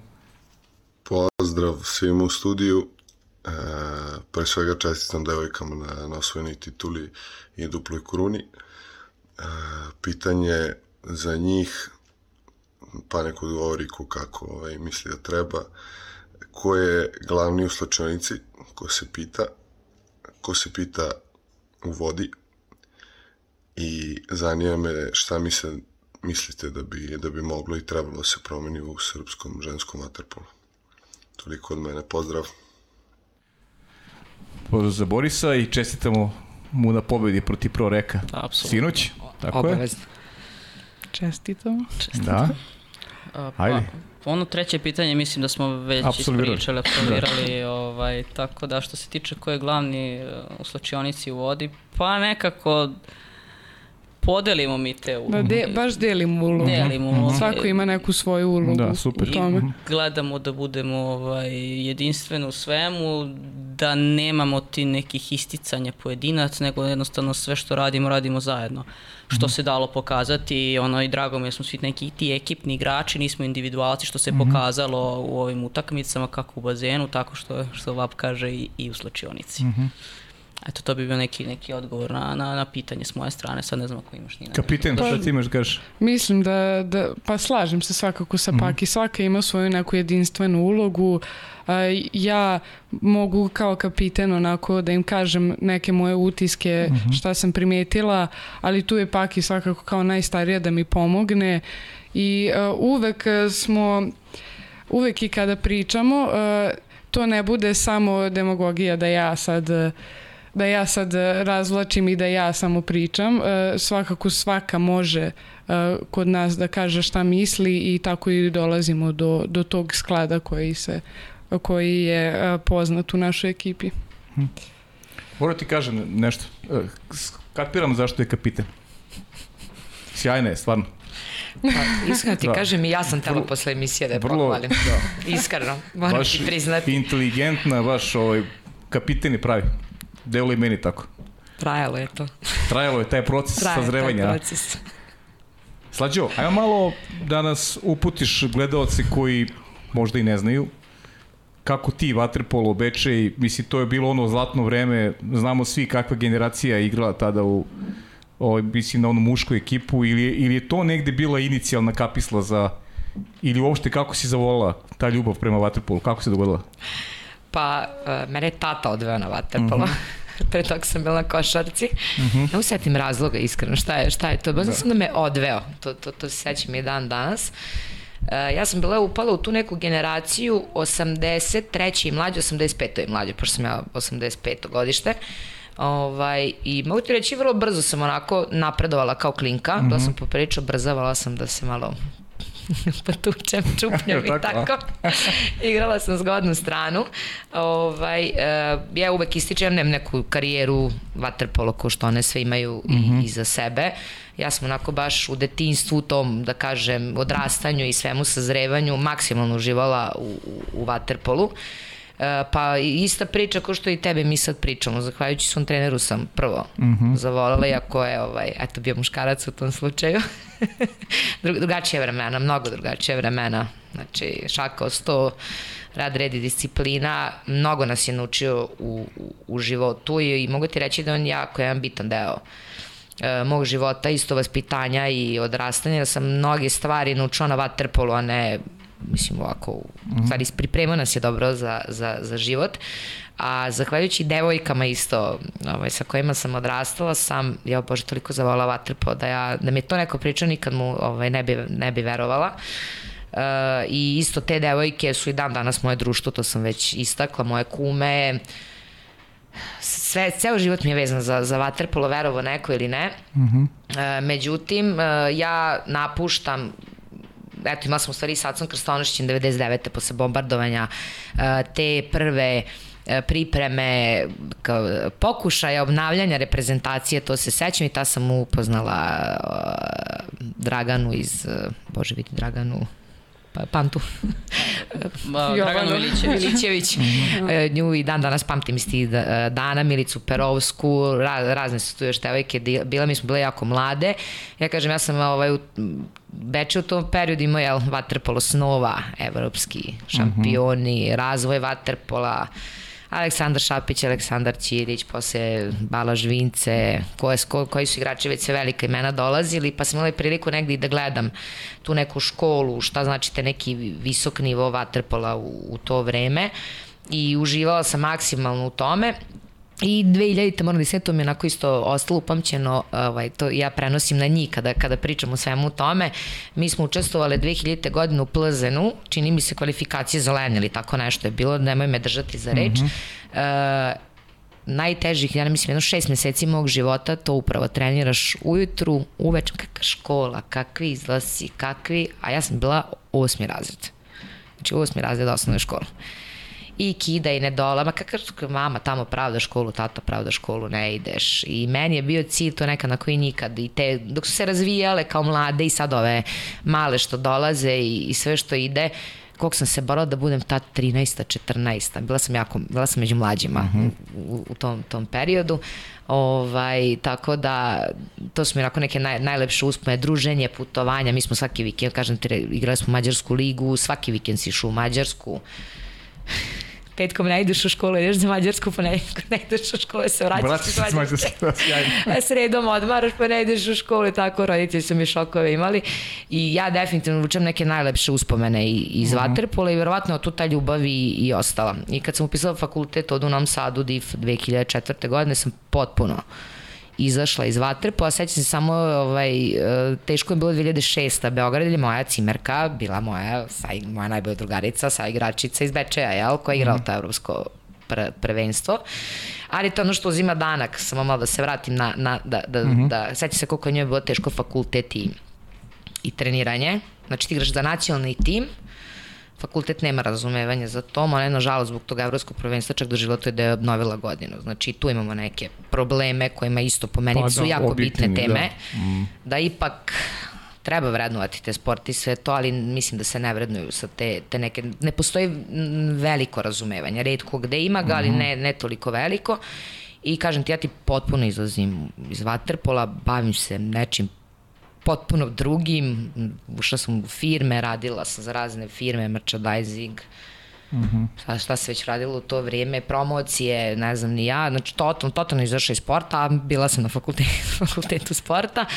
I onda mi se opet pred, pred kraj fakulteta, ovaj, kao absolventu, dešava da ulazim, mi smo, da kažem, u plivački klub, sasvim ne, nešto spontano sam ponovo došla na bazen, i počnem da radim u jednom plivačkom klubu u Novom Sadu i boga mi bila sam tamo, čini mi se pa to 3-4 godine i onda te 2012. Ovaj, čujem priču da žele da se osnuje ženski vaterpolo u no, Novom Sadu i pošto sam ja tu već i znala ljude sa bazena, eto, mog, mog sadašnjeg supruga sam tamo mm -hmm. isto mhm. upoznala i, i sve, e, kažem, e, počinje ta priča za žene i ja sam ovako inače vrlo prodorna osoba. ja iz neba po rebra, sećam se, tad je bio ovaj Kolja Lazar, direktor kluba, ja sam ga srela na hodniku, ja sam ga tako, eto, pa ja sam čula da vi hoćete, ja sam taj i taj, ja se bavila i ja bi volela to, eto, da, da radim. I međutim to je to tada bilo u to vreme. I ne znam šta, kako je priča dalje išla. I posle nekog perioda je mene e, predsednica, njoj sam neizmerno zahvalna, ona prepoznala tu moju energiju koju ja imam i ljudi koji poznaju znaju koliko sam jedna energična osoba. Ovaj, mi reka je mala, slušaj, ima sastanak u Waterpolo klubu, ti ideš sa mnom. I ono kao, dobro, idem i, i eto, tu smo se bukvalno za sat vremena dogovorili da ja počinjem da radim ženski vaterpol. Uh mhm. -huh. I onako, kao i svaki početak, biše plivačice. Faktično bilo sve plivačice. Pa ja sam igrala waterpolo, nisam bila u waterpolo od 2004. do 2012. Znaš, ozbiljna pauza. Ozbiljna pauza. Odakle da kreneš, šta, kako, treninzi, pa tu malo kombinacija, ja imala sam iskustvo u tom plivanju, znaš, i sve. I krenulo je to nekako, moram da priznam, uh, mislim, i za i mog razvoja i razvoja ovih, ovog tima i svih uspoga, naravno postoje razni ljudi i, ovaj, i, za, i za mene. Eto, to je probila ona, posle toga uh, Kole je bio taj, tad je on bio, čini mi se, da li sportski direktor ili, ili ovaj, ne znam šta je bio. On mi jako isto puno pomogao sa svojim savetima, ne, ne, neverovatnim. Tu je isto bio Anto Vasović, posle ne, ne, nenormalnu podršku Dejana Stanovića, kako to mm -hmm. već mhm. krenulo, ako svake godine uzlaznom puta, putanjom, njega sam onako gledala kao i nekog svog mentora sa jako korisnim savetima, on je po meni jedan ozbiljan trener i vrlo mi je žao što eto se sve to izdešavao da je čovek, pošto to novosadski trener, jel, mm -hmm. na, na visokom nivou što je otišao iz Novog Sada, što još nisam imala vremena da da učimo od njega, ali čuli smo se mi bili na vezi, pogotovo kad ženski vaterpolo krenuo polako da, da isplivava, da ima neke rezultate u mlađim kategorijama. Stvarno išlo neko sve nekim prirodnim tokom, znaš, mm -hmm. ono, mhm. mlađe selekcije, pa tu medalja treće, pa drugo, pa eto ti opa mi prve u ovoj generaciji, pa opa druge, pa treće, pa opet prve u onoj generaciji. Definitivno najveći skok isto bio, kažem ti to, pričali smo o tom istorijskom finalu, 2016-17 i da smo pre ili posle toga, to je ne zapamtim, juniorsko duplo osvojile. Posle toga, posle, posle toga, 17-18, a to je ta generacija, opet sa da. Ninom, tad sam ja odlučila da će Nina biti kapiten ovaj, te generacije i kažem ti, eto, ovaj, sve mi je nekako u životu me vratilo na, na, na vaterpolo, moram da istaknem ja u stranu, eto, upoznam svog supruga na bazenu i on je Naravno. vaterpolista, Bane Mitrović je moj zet, to je stoženjenje mm -hmm. ovaj, mojom, ovaj, Veljkovom se, sestrom. Uh, Veljkov tate je bio nekada, ne znam pre koliko, ovaj, 20 godina, 20, nije 20, 30 godina, isto predsednik kluba, tako da je moj život na kraju kad, kad pogledaš izuzetno vezan za, za, za vaterpolo i da mi neko to pričao, pravo ti kažem, nikad mu ne bi verovao, zna da mi plan nije bio to, da. iako sam Dobro, difu imaš, pisala. imaš i dvoje djece, sad kad već da, pričamo da, imam tako. i dvoje, i tu je čak bilo tih pauza, 2014, 2000, ček da kad sam rodila deca, 2014. sam ovaj, rodila prvo dete, ja sam s njima bila to deveto, eto, kolika ljubav nekad sebe, ovaj, moram priznat, zamerim nekad sebi uh -huh. zbog, naravno, zdravstvenog stanja i svega, ja sam njih vodila do, de, do dve nedelje do porođaja. to je onako, bio, bio, onako si imao šok, znao su me delegati, svi slađu, me molim te više, idi, ono, stresna stvaraš, nemoj da nam se porodiš tu. I 2019. sam isto dobila drugo dete koje eto, ima dve i po godine, devojčicu, tako da svašta se onako za ti 10 godina izašla i neko sam sve to uspela da, da izguram. Kad sam se dotaka toga, znači Dejana i svih Stanojevića, ja bi se vratila na još neke ljude koji su uticali na moju karijeru, aj da kažem, jel?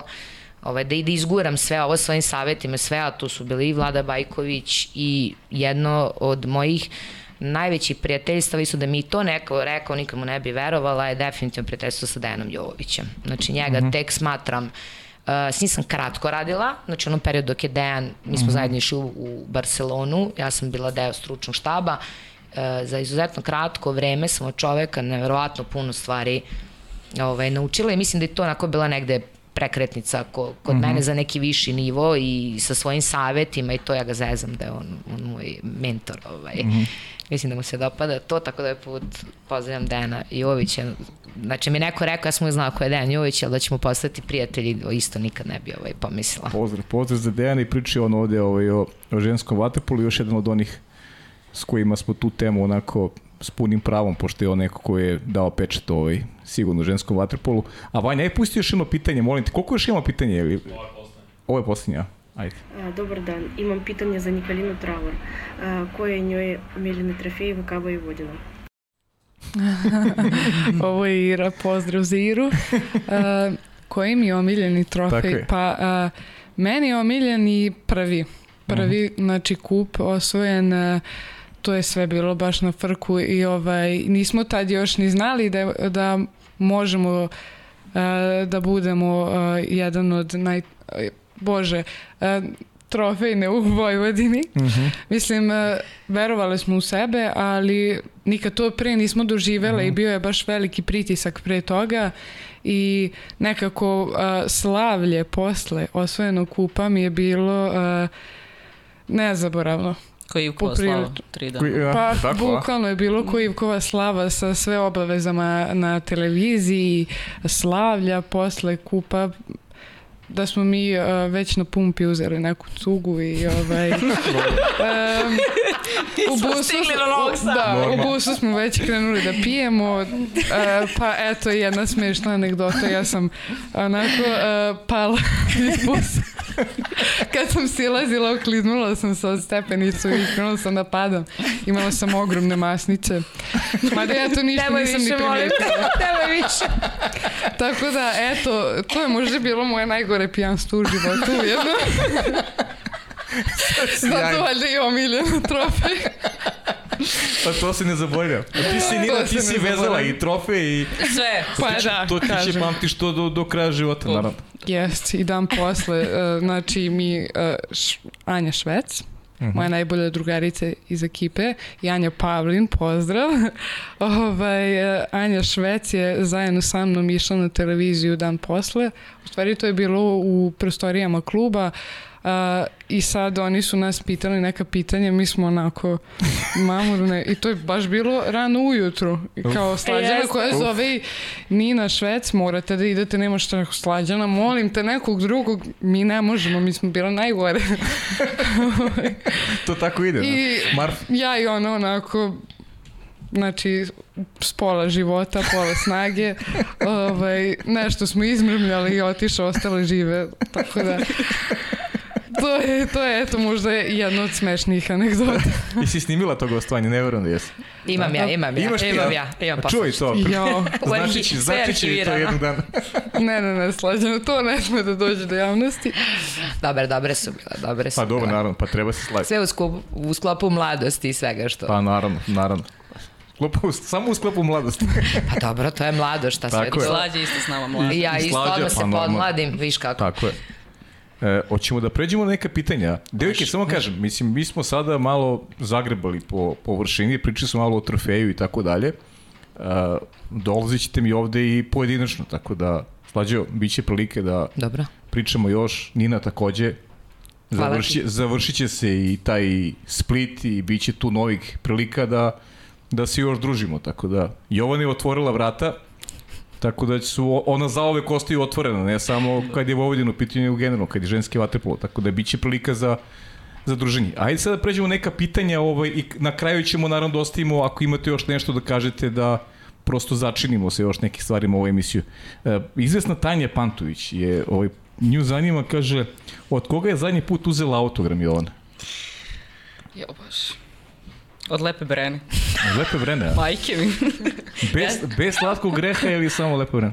Samo Samo brena. lepa Sedela brena. sam u kafiću u Novom Sadu ja, i Sidora Damjanović i ja i sad preko puta sedi neka gospođa ovaj, plave kose i sad Sidora kaže ono je lepa brena. Rekao, ma jeste, lepa brena sedi u kafiću i sad prolazi konobar i ja ga pitam, rekao, da li je ono? On kaže, jeste. I ništa, pošto ja volim Lepu Brenu. Svi mi volimo Okej. Lepu Brenu. Ja od malena, naročito u tesnoj koži, kad je peva Mile voli disko. Ja sam otišla, uzela autogram, bila jako prijatna gospođa, tako da ovaj, to mi je bila želja kad sam bila mala da ima autogram Lepe Brene, tako da se to ovaj, ostvarilo. Sjajno. Si uramila negdje, nisi? E, ne, stoji mi ovaj, tamo na pisaćem stolu kod kuće, tako da ću ramiti sigurno. Lepa Brena Lepa Brena. Svaka čast. E, Tanja Pantović, pita i tebe. I mene. E, kako se razvija ženski vaterpolo u Bečiju, obzirom da je rođena u Bečiji?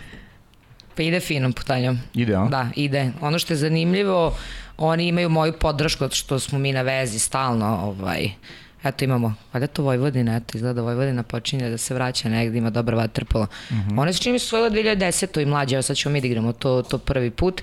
Ovaj, imaju tu generaciju devojčica 2010. i mlađe i mislim da su trenutno jedine u zemlji koje posjeduju toliki broj devojčica i mislim da će to da ide sasvim imaju jako lepu priču, ne bave se sen, seniorskom nekom pričom, podržavam, ni ne treba, mislim, nama je ovo prirodno došlo, razvijalo se, tako da ovaj, može da bude zanimljivo i mislim da će jednog dana biti ozbiljni konkurenti, pa čak i Vojvodini jednog dana. Mhm. E, ne vidim baš potpis. Dilea, 1970 Dilea. Pita vas dve. Da li su imali prilike da radi sa većim stručnjakom od Slađene Drezgića? Pa naravno, pa naravno. Ne znam da li smem da odgovorim na ovo pitanje. 10%, 10%. Pa ne znam. e, a- Smeješ, smeješ, Ako, ako nećeš vozom da se vraćaš kući, E, sad ide brzo, 36 minuta. Možda, Samo stigne, malo da možda se stigneš i pre nas. Pa dobro, mislim, sva, e, sigurno da svako od nas ima neki deo karijere kome zahvala nekom treneru. Naravno, pored Slađe ja bi istakla i Miloša Bradića, i Jacu Krstonošića, i Milicu Perovski. A, da kažem opet najveći drill koji sam prošla, prošla sam kod Miloša Bradića. E, posle Bradića ti bilo sve jedno da ćeš da igraš, sve ćeš preživeti. Tako da, eto, ajde možda bih njega u neku ruku izvukla, zato što je stvarno ostavio neki pečat u mojoj karijeri i stvarno dokazuje mnogo toga i trenutno je trener u Izraelu. Eto, možda bi njega, pored svih ovih, istakla možda malo više. Pa ja bi istakla Dejana Jovovića. Mislim, s njim sam imala prilike da radim u reprezentaciji. Stvarno je čovek koji dosta zna o, o vaterpolu i koji nas je mnogo toga naučio. E, I sa njim jesu možda bili jedni od težih treninga, ali smo mnogo naučili, tako da njega bi stvarno mogla da izdvojim pored Slađana. Dobar, dobar mentor. Jako, I za trenera i za igrača. E, ne znam kako potumeniš ovo pitanje, kaže koji igrač se najteže, da li za saradnju ili mislim za saradnju, ajde Pre, da bude. Pretpostavljam. Da je za saradnju, da. Uf. Pa i nema baš. Nema, a? Nemam, nemam, Ne- nemam nemaš to? negativnih, nemam. Mhm.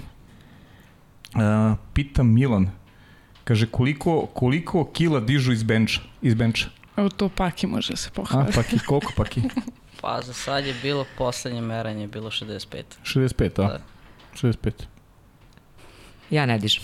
Ti ne. Slađa samo pehare dižeš. Samo sam pek, to je najteže, to je najteže što vodim. Nina, ti? Ja, pa ja baš uh, bench ne volim. to je najgora vežba, mm. definitivno, pošto, mislim, ja se uvek više posvetim nogama, mm -hmm. pošto mislim da su mi malo potrebnije u bazenu, mm -hmm. ali ovaj, ja baš inače ne mogu da se pohvalim nekim velikim težinama, zato što ovaj, gledam više da radim neke... Uh, vežbe e, koje će, me spre, koje će mi sprečiti povrede nego ovaj, sad neke opterećujuće mm -hmm. toliko. Tako, mm -hmm. mislim imala sam i malo tih e, pehova sa povredama, tako da uvek više gledam e, da radim neku prevenciju nego, nego sad neke teške. A i mislim da, da je Pantović kao našem centru teškašu to potrebni. Šalaš. Pa jeste. Pa jeste. Svakoj šali pola istine. da. A ovo, e, a ovo, pita, ovo je zanimljivo pitanje ishrana. To je sad opet neki, postoje neki verovatno tabu teme neki za ljude, kao čime se, čime se hrane, čime se hrane vatrepoliskinje, kao koliko, koliko jedu, da li je to nešto neki ovaj, znamo kad, kad sednu, sednu dečaci ovde, to ide priča koliko hoćeš ovo, ili vi prepostavljam kao ono dame vodite vodite računa o tome. Pa dobro. Više nego muškarci svakako. Pa naravno velika veliki procenat ti ugljenih hidrata jer se trošiš neverovatno, mm -hmm. tako da ono ugljeni hidrati i određen procenat proteina za za ovaj za normalno funkcionisanje eventualno jedan deo masti, ali sigurno dobar deo, dobar deo su ugljeni hidrati, naravno zdravi uvek bude ne, neka nezdrava varijanta, naravno ponekad, ali, ali gledamo. Kako kod koga? Mm -hmm. Dobro, tre, za trenere to ne važi. Slađe da, je to da je važno. Da. Ja bih rekla da je ovo pitanje aludiralo na to da li žene jedu isto koji muškarci. Pa ne, ne. Da, ne, ne, to ne, ne, ne, nije, nije, nije. nije. ne, ima, imamo, imamo jednu. Ovaj, imamo jednu. Imamo jednu ješnu. Imate jednu ješnu. imamo, ali... A to je šala više. Šalim se. Da. Super izgleda sve, ne znamo gde joj stane, zato se čudimo da, da, ovaj, da, da, može. Da. da, da, pa to je... Sjajan metabolizam. Sjaj, sjajan metabolizam, bravo. Kao kapitan ima pravu reč, znači. Sparing be, Bečeje sa Bečejom pre Zvezde, ili to nešto se dogodilo, vidim samo tako poruka. A, pa Marko i Čitović. Sa dečacima oni sparing. Pa imali smo yes. cele prošle godine odličnu saradnju sa Bečejom ja skoro svake nedelje, mislim, ako ne svake druge, smo išli sparinguje tamo sa, sa dečacima. Uh mhm. -huh. I mogu, iskreno, to nam je poprilično značilo. Naši su imali dosta obaveza, legli su nam onako za sparing, za komunikaciju i za sve. Ja sam se tada javno zahvalila ovaj, Bečeju na, na neverovatnoj uh mhm. -huh. saradnji, izlasku, susret, ovaj, što nam je omogućio da faktički bukvalno pa svake nedelje smo išli malte ne na sparing pa da, sa, i Beče, sa njim. i momci Šapca su bili mm -hmm. stvarno feri. Da, je, ove godine. nam prostor mm -hmm. za, jako za je bitno imati, i on je deo razvoja kod žena. Mislim, mm -hmm. bitno je, bitno je, po meni ja ni ne bi do jednu, pa ja ne znam, 13. kako se sad pomerila granica, 13, 14 što razvajala to, žene mm -hmm. i mhm. devojči, da, ovaj, da, devojčice i, i dečake. Da, da. Dogod imaju ono prostora da se zajedno takmiče, to i treba da bude neka osnova u razvoju nekog igrača ili igračice i sve i onda kad ono dođe ono vreme kad zbog fizičke predispozicije svega treba da se razdvoje, onda to i dalje mislim da treba zbog tog kontakta i svega Jel, eto, pričali smo, imamo tri jaka kluba, nedostaju nam jake utakmice, tako da po meni su muškarci ključan deo isto u radu. E, Mitar Letić i u, ima, ima lepo pitanje za, za sve tri. Za tebe je ono prvo, kaže, posle 11 duplih titula u nacionalnom takmičenju, gde nalaziš inspiraciju za trening i utakmice? Pa opet kažem, ovaj, statistika je nešto što izbegavam da gledam. A, naravno da je to jedna lepa stvar, toliki mm -hmm. broj titula u prethodnom periodu, ali opet a, neko sam ko voli da trenira i dan danas, kako to god čudno zvučilo, imam još a, tu nekog želju, volju, glad za pobedom. Mm -hmm. A i sigurno da me devojke koje sarađuju sa mnom inspirišu, jer jako sam videla veliki progres u, u prethodnom periodu i jako mi je drago da, da mogu da na neki pozitivan način uh, utiče na mlade devojke i da možda mogu da im prikažem nešto što i da ih posavetujem nešto što mene nisu savjetovali. Uh mhm. -huh. e, kaže, ko od mlađih igračica Vatrpol kluba Vojvodina ima veliki potencijal da se nadokradi i napreduje?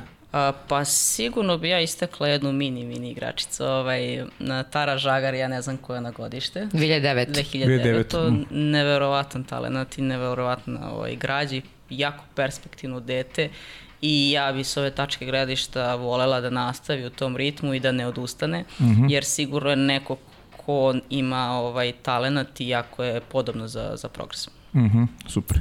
Za Nikolinu, šta bi poručila mladim devojčicama, zašto bi trebalo da dođu na bazen da treniraju vaterpolo? A pa pre svega bi im preporučila vaterpolo zato što ono mogu da im obećam uh, dobro druženje, dobru atmosferu, uh, jer kao što sam rekla, ja stvarno imam najbolje prijatelje sa bazena, uh, stvarno uvek vlada dobra atmosfera i kad, nikad se nije desilo da smo sve onako skroz mušene, mm -hmm. ovaj, tako da uh, zbog toga, a i uh, svakako da je zdrav sport i veoma interesantan. Mm -hmm. ovaj, nikad nije monotono kao što je to slučaj možda sa plivanjem i tako nekim individualnim sportovima. Uh, uvek postoji neka za, vrsta zabave, a možemo i da je pronađemo i u vežbama. Tako da ovaj, mislim da, da bi se dobro zabavile, tako da pozivam ih ovim putem.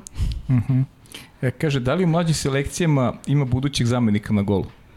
A, ima, ima uh mhm. -huh. svakako. Imamo tu jednu a, 2005. godište, Milica Orašanin, uh -huh. a, koja je sad krenula, ne, nije petu, Četvrt, bože, izgledam se četvrto, okay. a, koja treba a, koja je sad srednja škola, tako da je ona moj zamenik uh -huh. Mhm. i u seniorskoj selekciji, ali imamo i mlađe devojčice, mislim da je... Adrianu. Eh, da, mala Adriana, mislim da je 2007. ili 8. Uh -huh, čak. Uh -huh. Tako da svakako da imamo budućnost. Uh -huh. ko, koje a, uvek su žene da čuju nešto novo, veoma su radoznale i žele da čuju i kritiku i pohvalu, tako da mislim da i imamo zamene za mene u budućnosti. Dobro.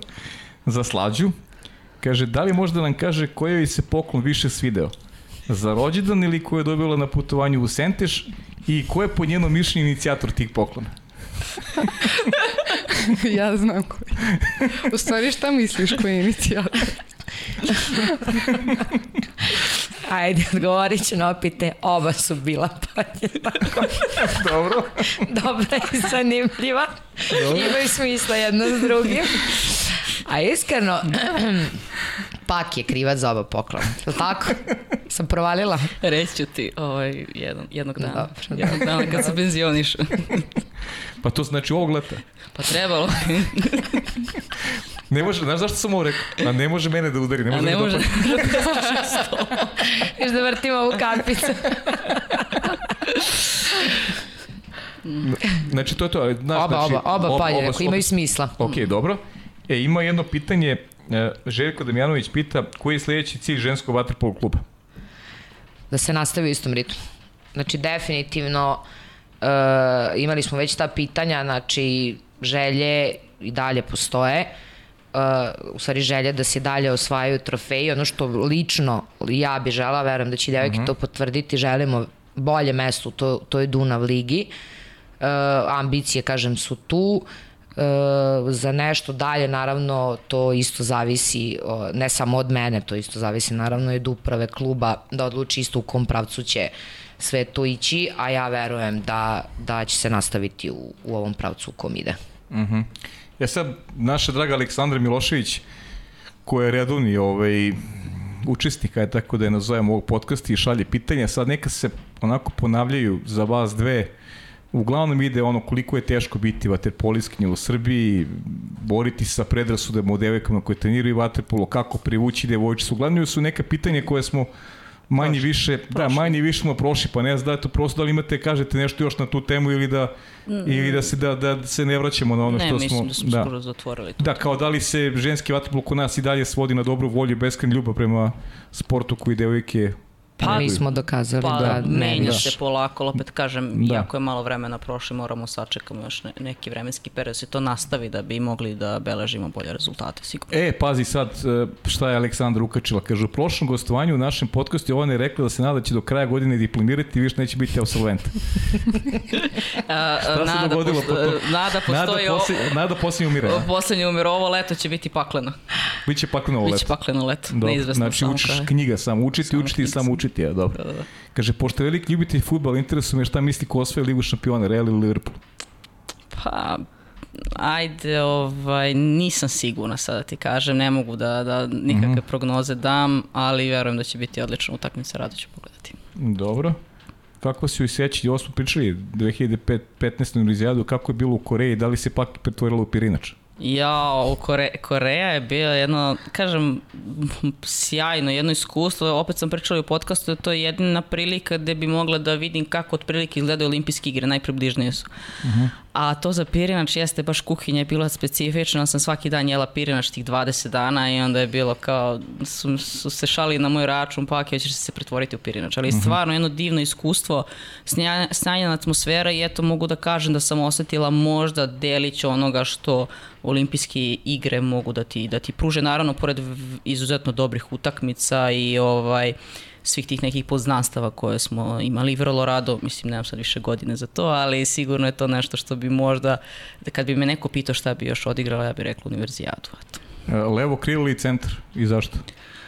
A ne znam, sad me slađana stavila Nije na desno. nije, nije više. ja sam je promenila. ne, ja sam igrala levo krilo, igrala sam centrom, me slađa prebacila na malo desnu stranu, pa i tu da igram centar, tako da ovaj, malo univerzalni. Ti više ne znaš što igraš. Pa ne znam. Evo, i Beka sam malo igrala. Beka. tako da se zove. To je sama odlučila. Da. Pa univerzalan igrač. Univerzal može i da brani. Popularni džubret. Pa, Popularni đubret. da, džubret. Nina, za tebe, kaže, kakav je osjećaj bio nakon što su na turniru u Zrenjinu izborili plasman na Evropskom prvenstvu?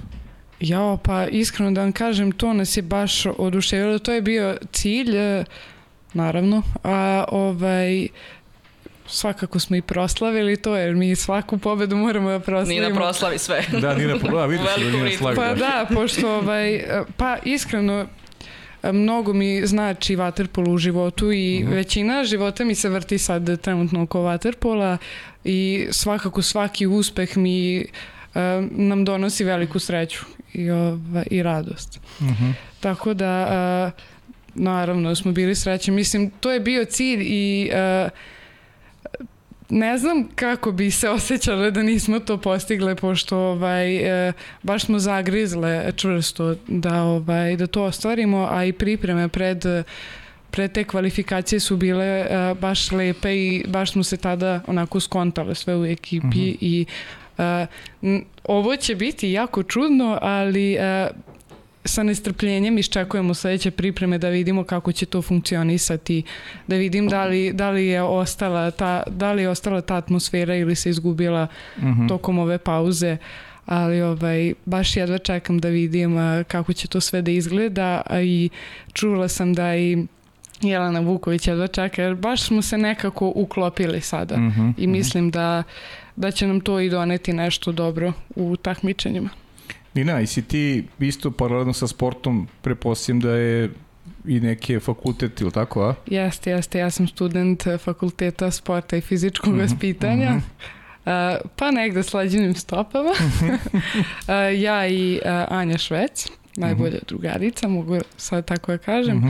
ovaj, studiramo zajedno i mislim da je to Uh, o, dosta olakšavajuća okolnosti jedno i drugo jer kad imaš nekog pored sebe ko, ko ima isti cilj kao ti nekako je mnogo lakše u dvoje nego, nego sam nekako smo držale jedna drugu ovaj, kad jedna poklekne druga ovaj, vuče i tako Mhm. Pitao sam Slađu, Jovana je bila već gost, hoćeš ti da, da završiš malo da pomenemo i porodicu, a ipak je to neka, neka baza negde su ti oni su te negde i usmerili i ovaj, Jeste, jeste, moja porodica je bila velika podrška i u danima kad je bilo teško, kad sam planirala i da odustanem, Mhm. mislim, to su bili kratki periodi, ovaj, oni su bili ti koji su me a, podigli iz svega toga i uvek su mi puž, pružali punu podršku koliko god su mogli, tako da ovaj, hvala im za to, a, tako da pozdravljam ih ovim putem. Moje drage dame, prelepe dame, ili imate nešto da kažete ovaj, za kraj za ovu emisiju, naravno da ćemo se Ja. družiti. Izvoli, Slađe. Mislim da ne bude kliše ili da, Mhm. da ne sati pogrešno, ali ja moram tako da završim. Mislim da sam ja i po- poznata po tome. Naravno moram još da se zahvalim nekim ljudima. Ovaj, Naravno, red, naravno. Redke su prilike javno to, to da kažeš. znam da neki ljudi to već znaju, a to je prvo ovo je naša uprava kluba. Mm -hmm. To moram, kažem, nisu, nisu klišeje, ovo stvarno mislim od srca, jer bez njih i da nisu prepoznali tu moju priču ve, vezano za, za devojke, sve mislim da bez njihove podrške i svi koji stoje iza toga ne, ne bi isto ovo bilo izvodivo. A isto tako, uh, pošto znam da neki sistemi dru, drugačije sigurno funkcioniše Beograd i Novi Sad, ja isto moram da istaknem i da grad Novi Sad jako ceni svoje, svoje sportiste i mogu vam reći da e, kad sam došla u ove faze, znači ovo da osvojete sve, onda u stvari kad, kad uđete u taj neki vrh, jel, onda u stvari stvarno vidite koliko naš grad ceni, ceni sportiste mm -hmm, i mogu vam mhm. reći da sam bila prijatno uh, ovaj, iznenađena ovaj, time, jer smo mi kad smo osvojili tu prvu titulu bili na prijemu baš u gradskoj kući u Novom Sadu kod ovaj, gradonačelnika i taj neki osjećaj kad dođeš do tako nečega i to mene lično iskreno kažem i to motivisalo za, za mm -hmm. dalje. Samim tim doze, ono što smo pričali iz Partokove nagrade i sve, znam da devojke od grada su dobijali isto ispe, ove stipendije za svoja sportska do, dostignuća Tako da bi ovim prilikom da se zahvalim i gradu Novom Sadu i kabinetu gradonačelnika Milo, Miloša Vučevića i ostalih koji stoje iza toga pokrinjsko sekretarijatu za sport, jer bez njihove te neke no, iskreno novčane, nema tu šta da se priča, novčane podrške koje smo imali za ovu, za ovu sezonu, isto smatram da da ovo ne bi bilo izvodivo, tako da hvala i jednima i drugima ja ću još da se nadovežem i na svoje porodici, prvenstveno mm -hmm. mom suprugu, to, to, to mora, mislim mm -hmm. da mu se baš neće svijeti što ga spominjem, ali bez njegove podrške jedna žena da pored dvoje dece i svi znamo gde mi živimo u Srbiji, uh, daj Bože svakog da kao ja. ovo je sjajna poruka. Veljo, ovo ti je jedinstvena prilika. ja hoću da... da ovaj... Slušaj što kaže Slađa. e, jako, mislim, ja sam okružena isto bila, mislim, svi mi znamo čime smo okruženi, ali naći sebi ovako srodnu dušu, pogotovo sportsku i sve to da mm. neko ti ovakvu podršku daje, čuva dvoje dece kući. da žena sve trofeje. Moram da, da isto ovaj, stvarno da, da mu se zahvalim, jer isto bez njegove podrške ovaj, i porodice naravno, ali pre svega njegove ne bi nikad došlo do, do ove priče i o, ovakvih uspeha. Ja hoću da se zahvalim prvo tebi, što nam pružaš ovaj, evo, neke vrste medijske pažnje, daješ nam prostora da iznesemo sve ovo što mislimo. To vam je završeno, to imate zauvek. To da I znate. drago mi što sam već drugi put ovde i to prihvatam kao, kao nešto sjajno. Takođe i Vanji se zahvaljujem. Mučenik sedi već tamo dva sata, nije mu lako. nije mu lako. Sa ženama. Tako da, eto, stvarno ti hvala na svemu što si nam pružio i naravno sarađivaćemo u budućnosti. Sarađujemo, to, to vam je zagarantovano. Isto. Zagarantovano je to za uvek. I želim vam puno uspeha. Nina, tebi u Splitu Hvala, da budeš, hvala. da budeš žargonski rečeno kao hobotnica, da što manje golova primiš i da budeš ovaj, pravi kapitan i u buduće eto, spoznao Trudit sam nešto, se. zašto si kapitan, spoznao sam. Tebi Jovana, naravno, mi se družimo, slađo. Hvala takođe, ti mnogo. Bićeš ponovo Bez ovde gost. sam. Hvala vama, devojke, bili ste sjajni. Ja sam rekao, nikad lepši studiju nisam imao, tako da Hvala ti. moje plezir, moje plezir, moje zadovoljstvo. Hvala. Ništa, sve najbolje devojke, sve najbolje Vatrepol klubu Vojvodina. Toliko za ovu emisiju, sledeće nedelje se družimo sa najavom Lige šampiona i narednom periodu ćemo se baviti malo više Liga šampiona, onda kreće one reprezentativne akcije svetsko evropsko prvenstvo, pa će fokus biti na ta takmičenja, pritom imam nekih onako već uh, u najavi gostiju koji dolaze sada baš na uh, ovaj Final Eight, jedan već ugovoren podcast, ali eto neću otkrivati ko su u pitanju. Uh, pratite Instagram profile kako moji, tako i moji koleginica i gledajte pod kapicom. Svako dobro.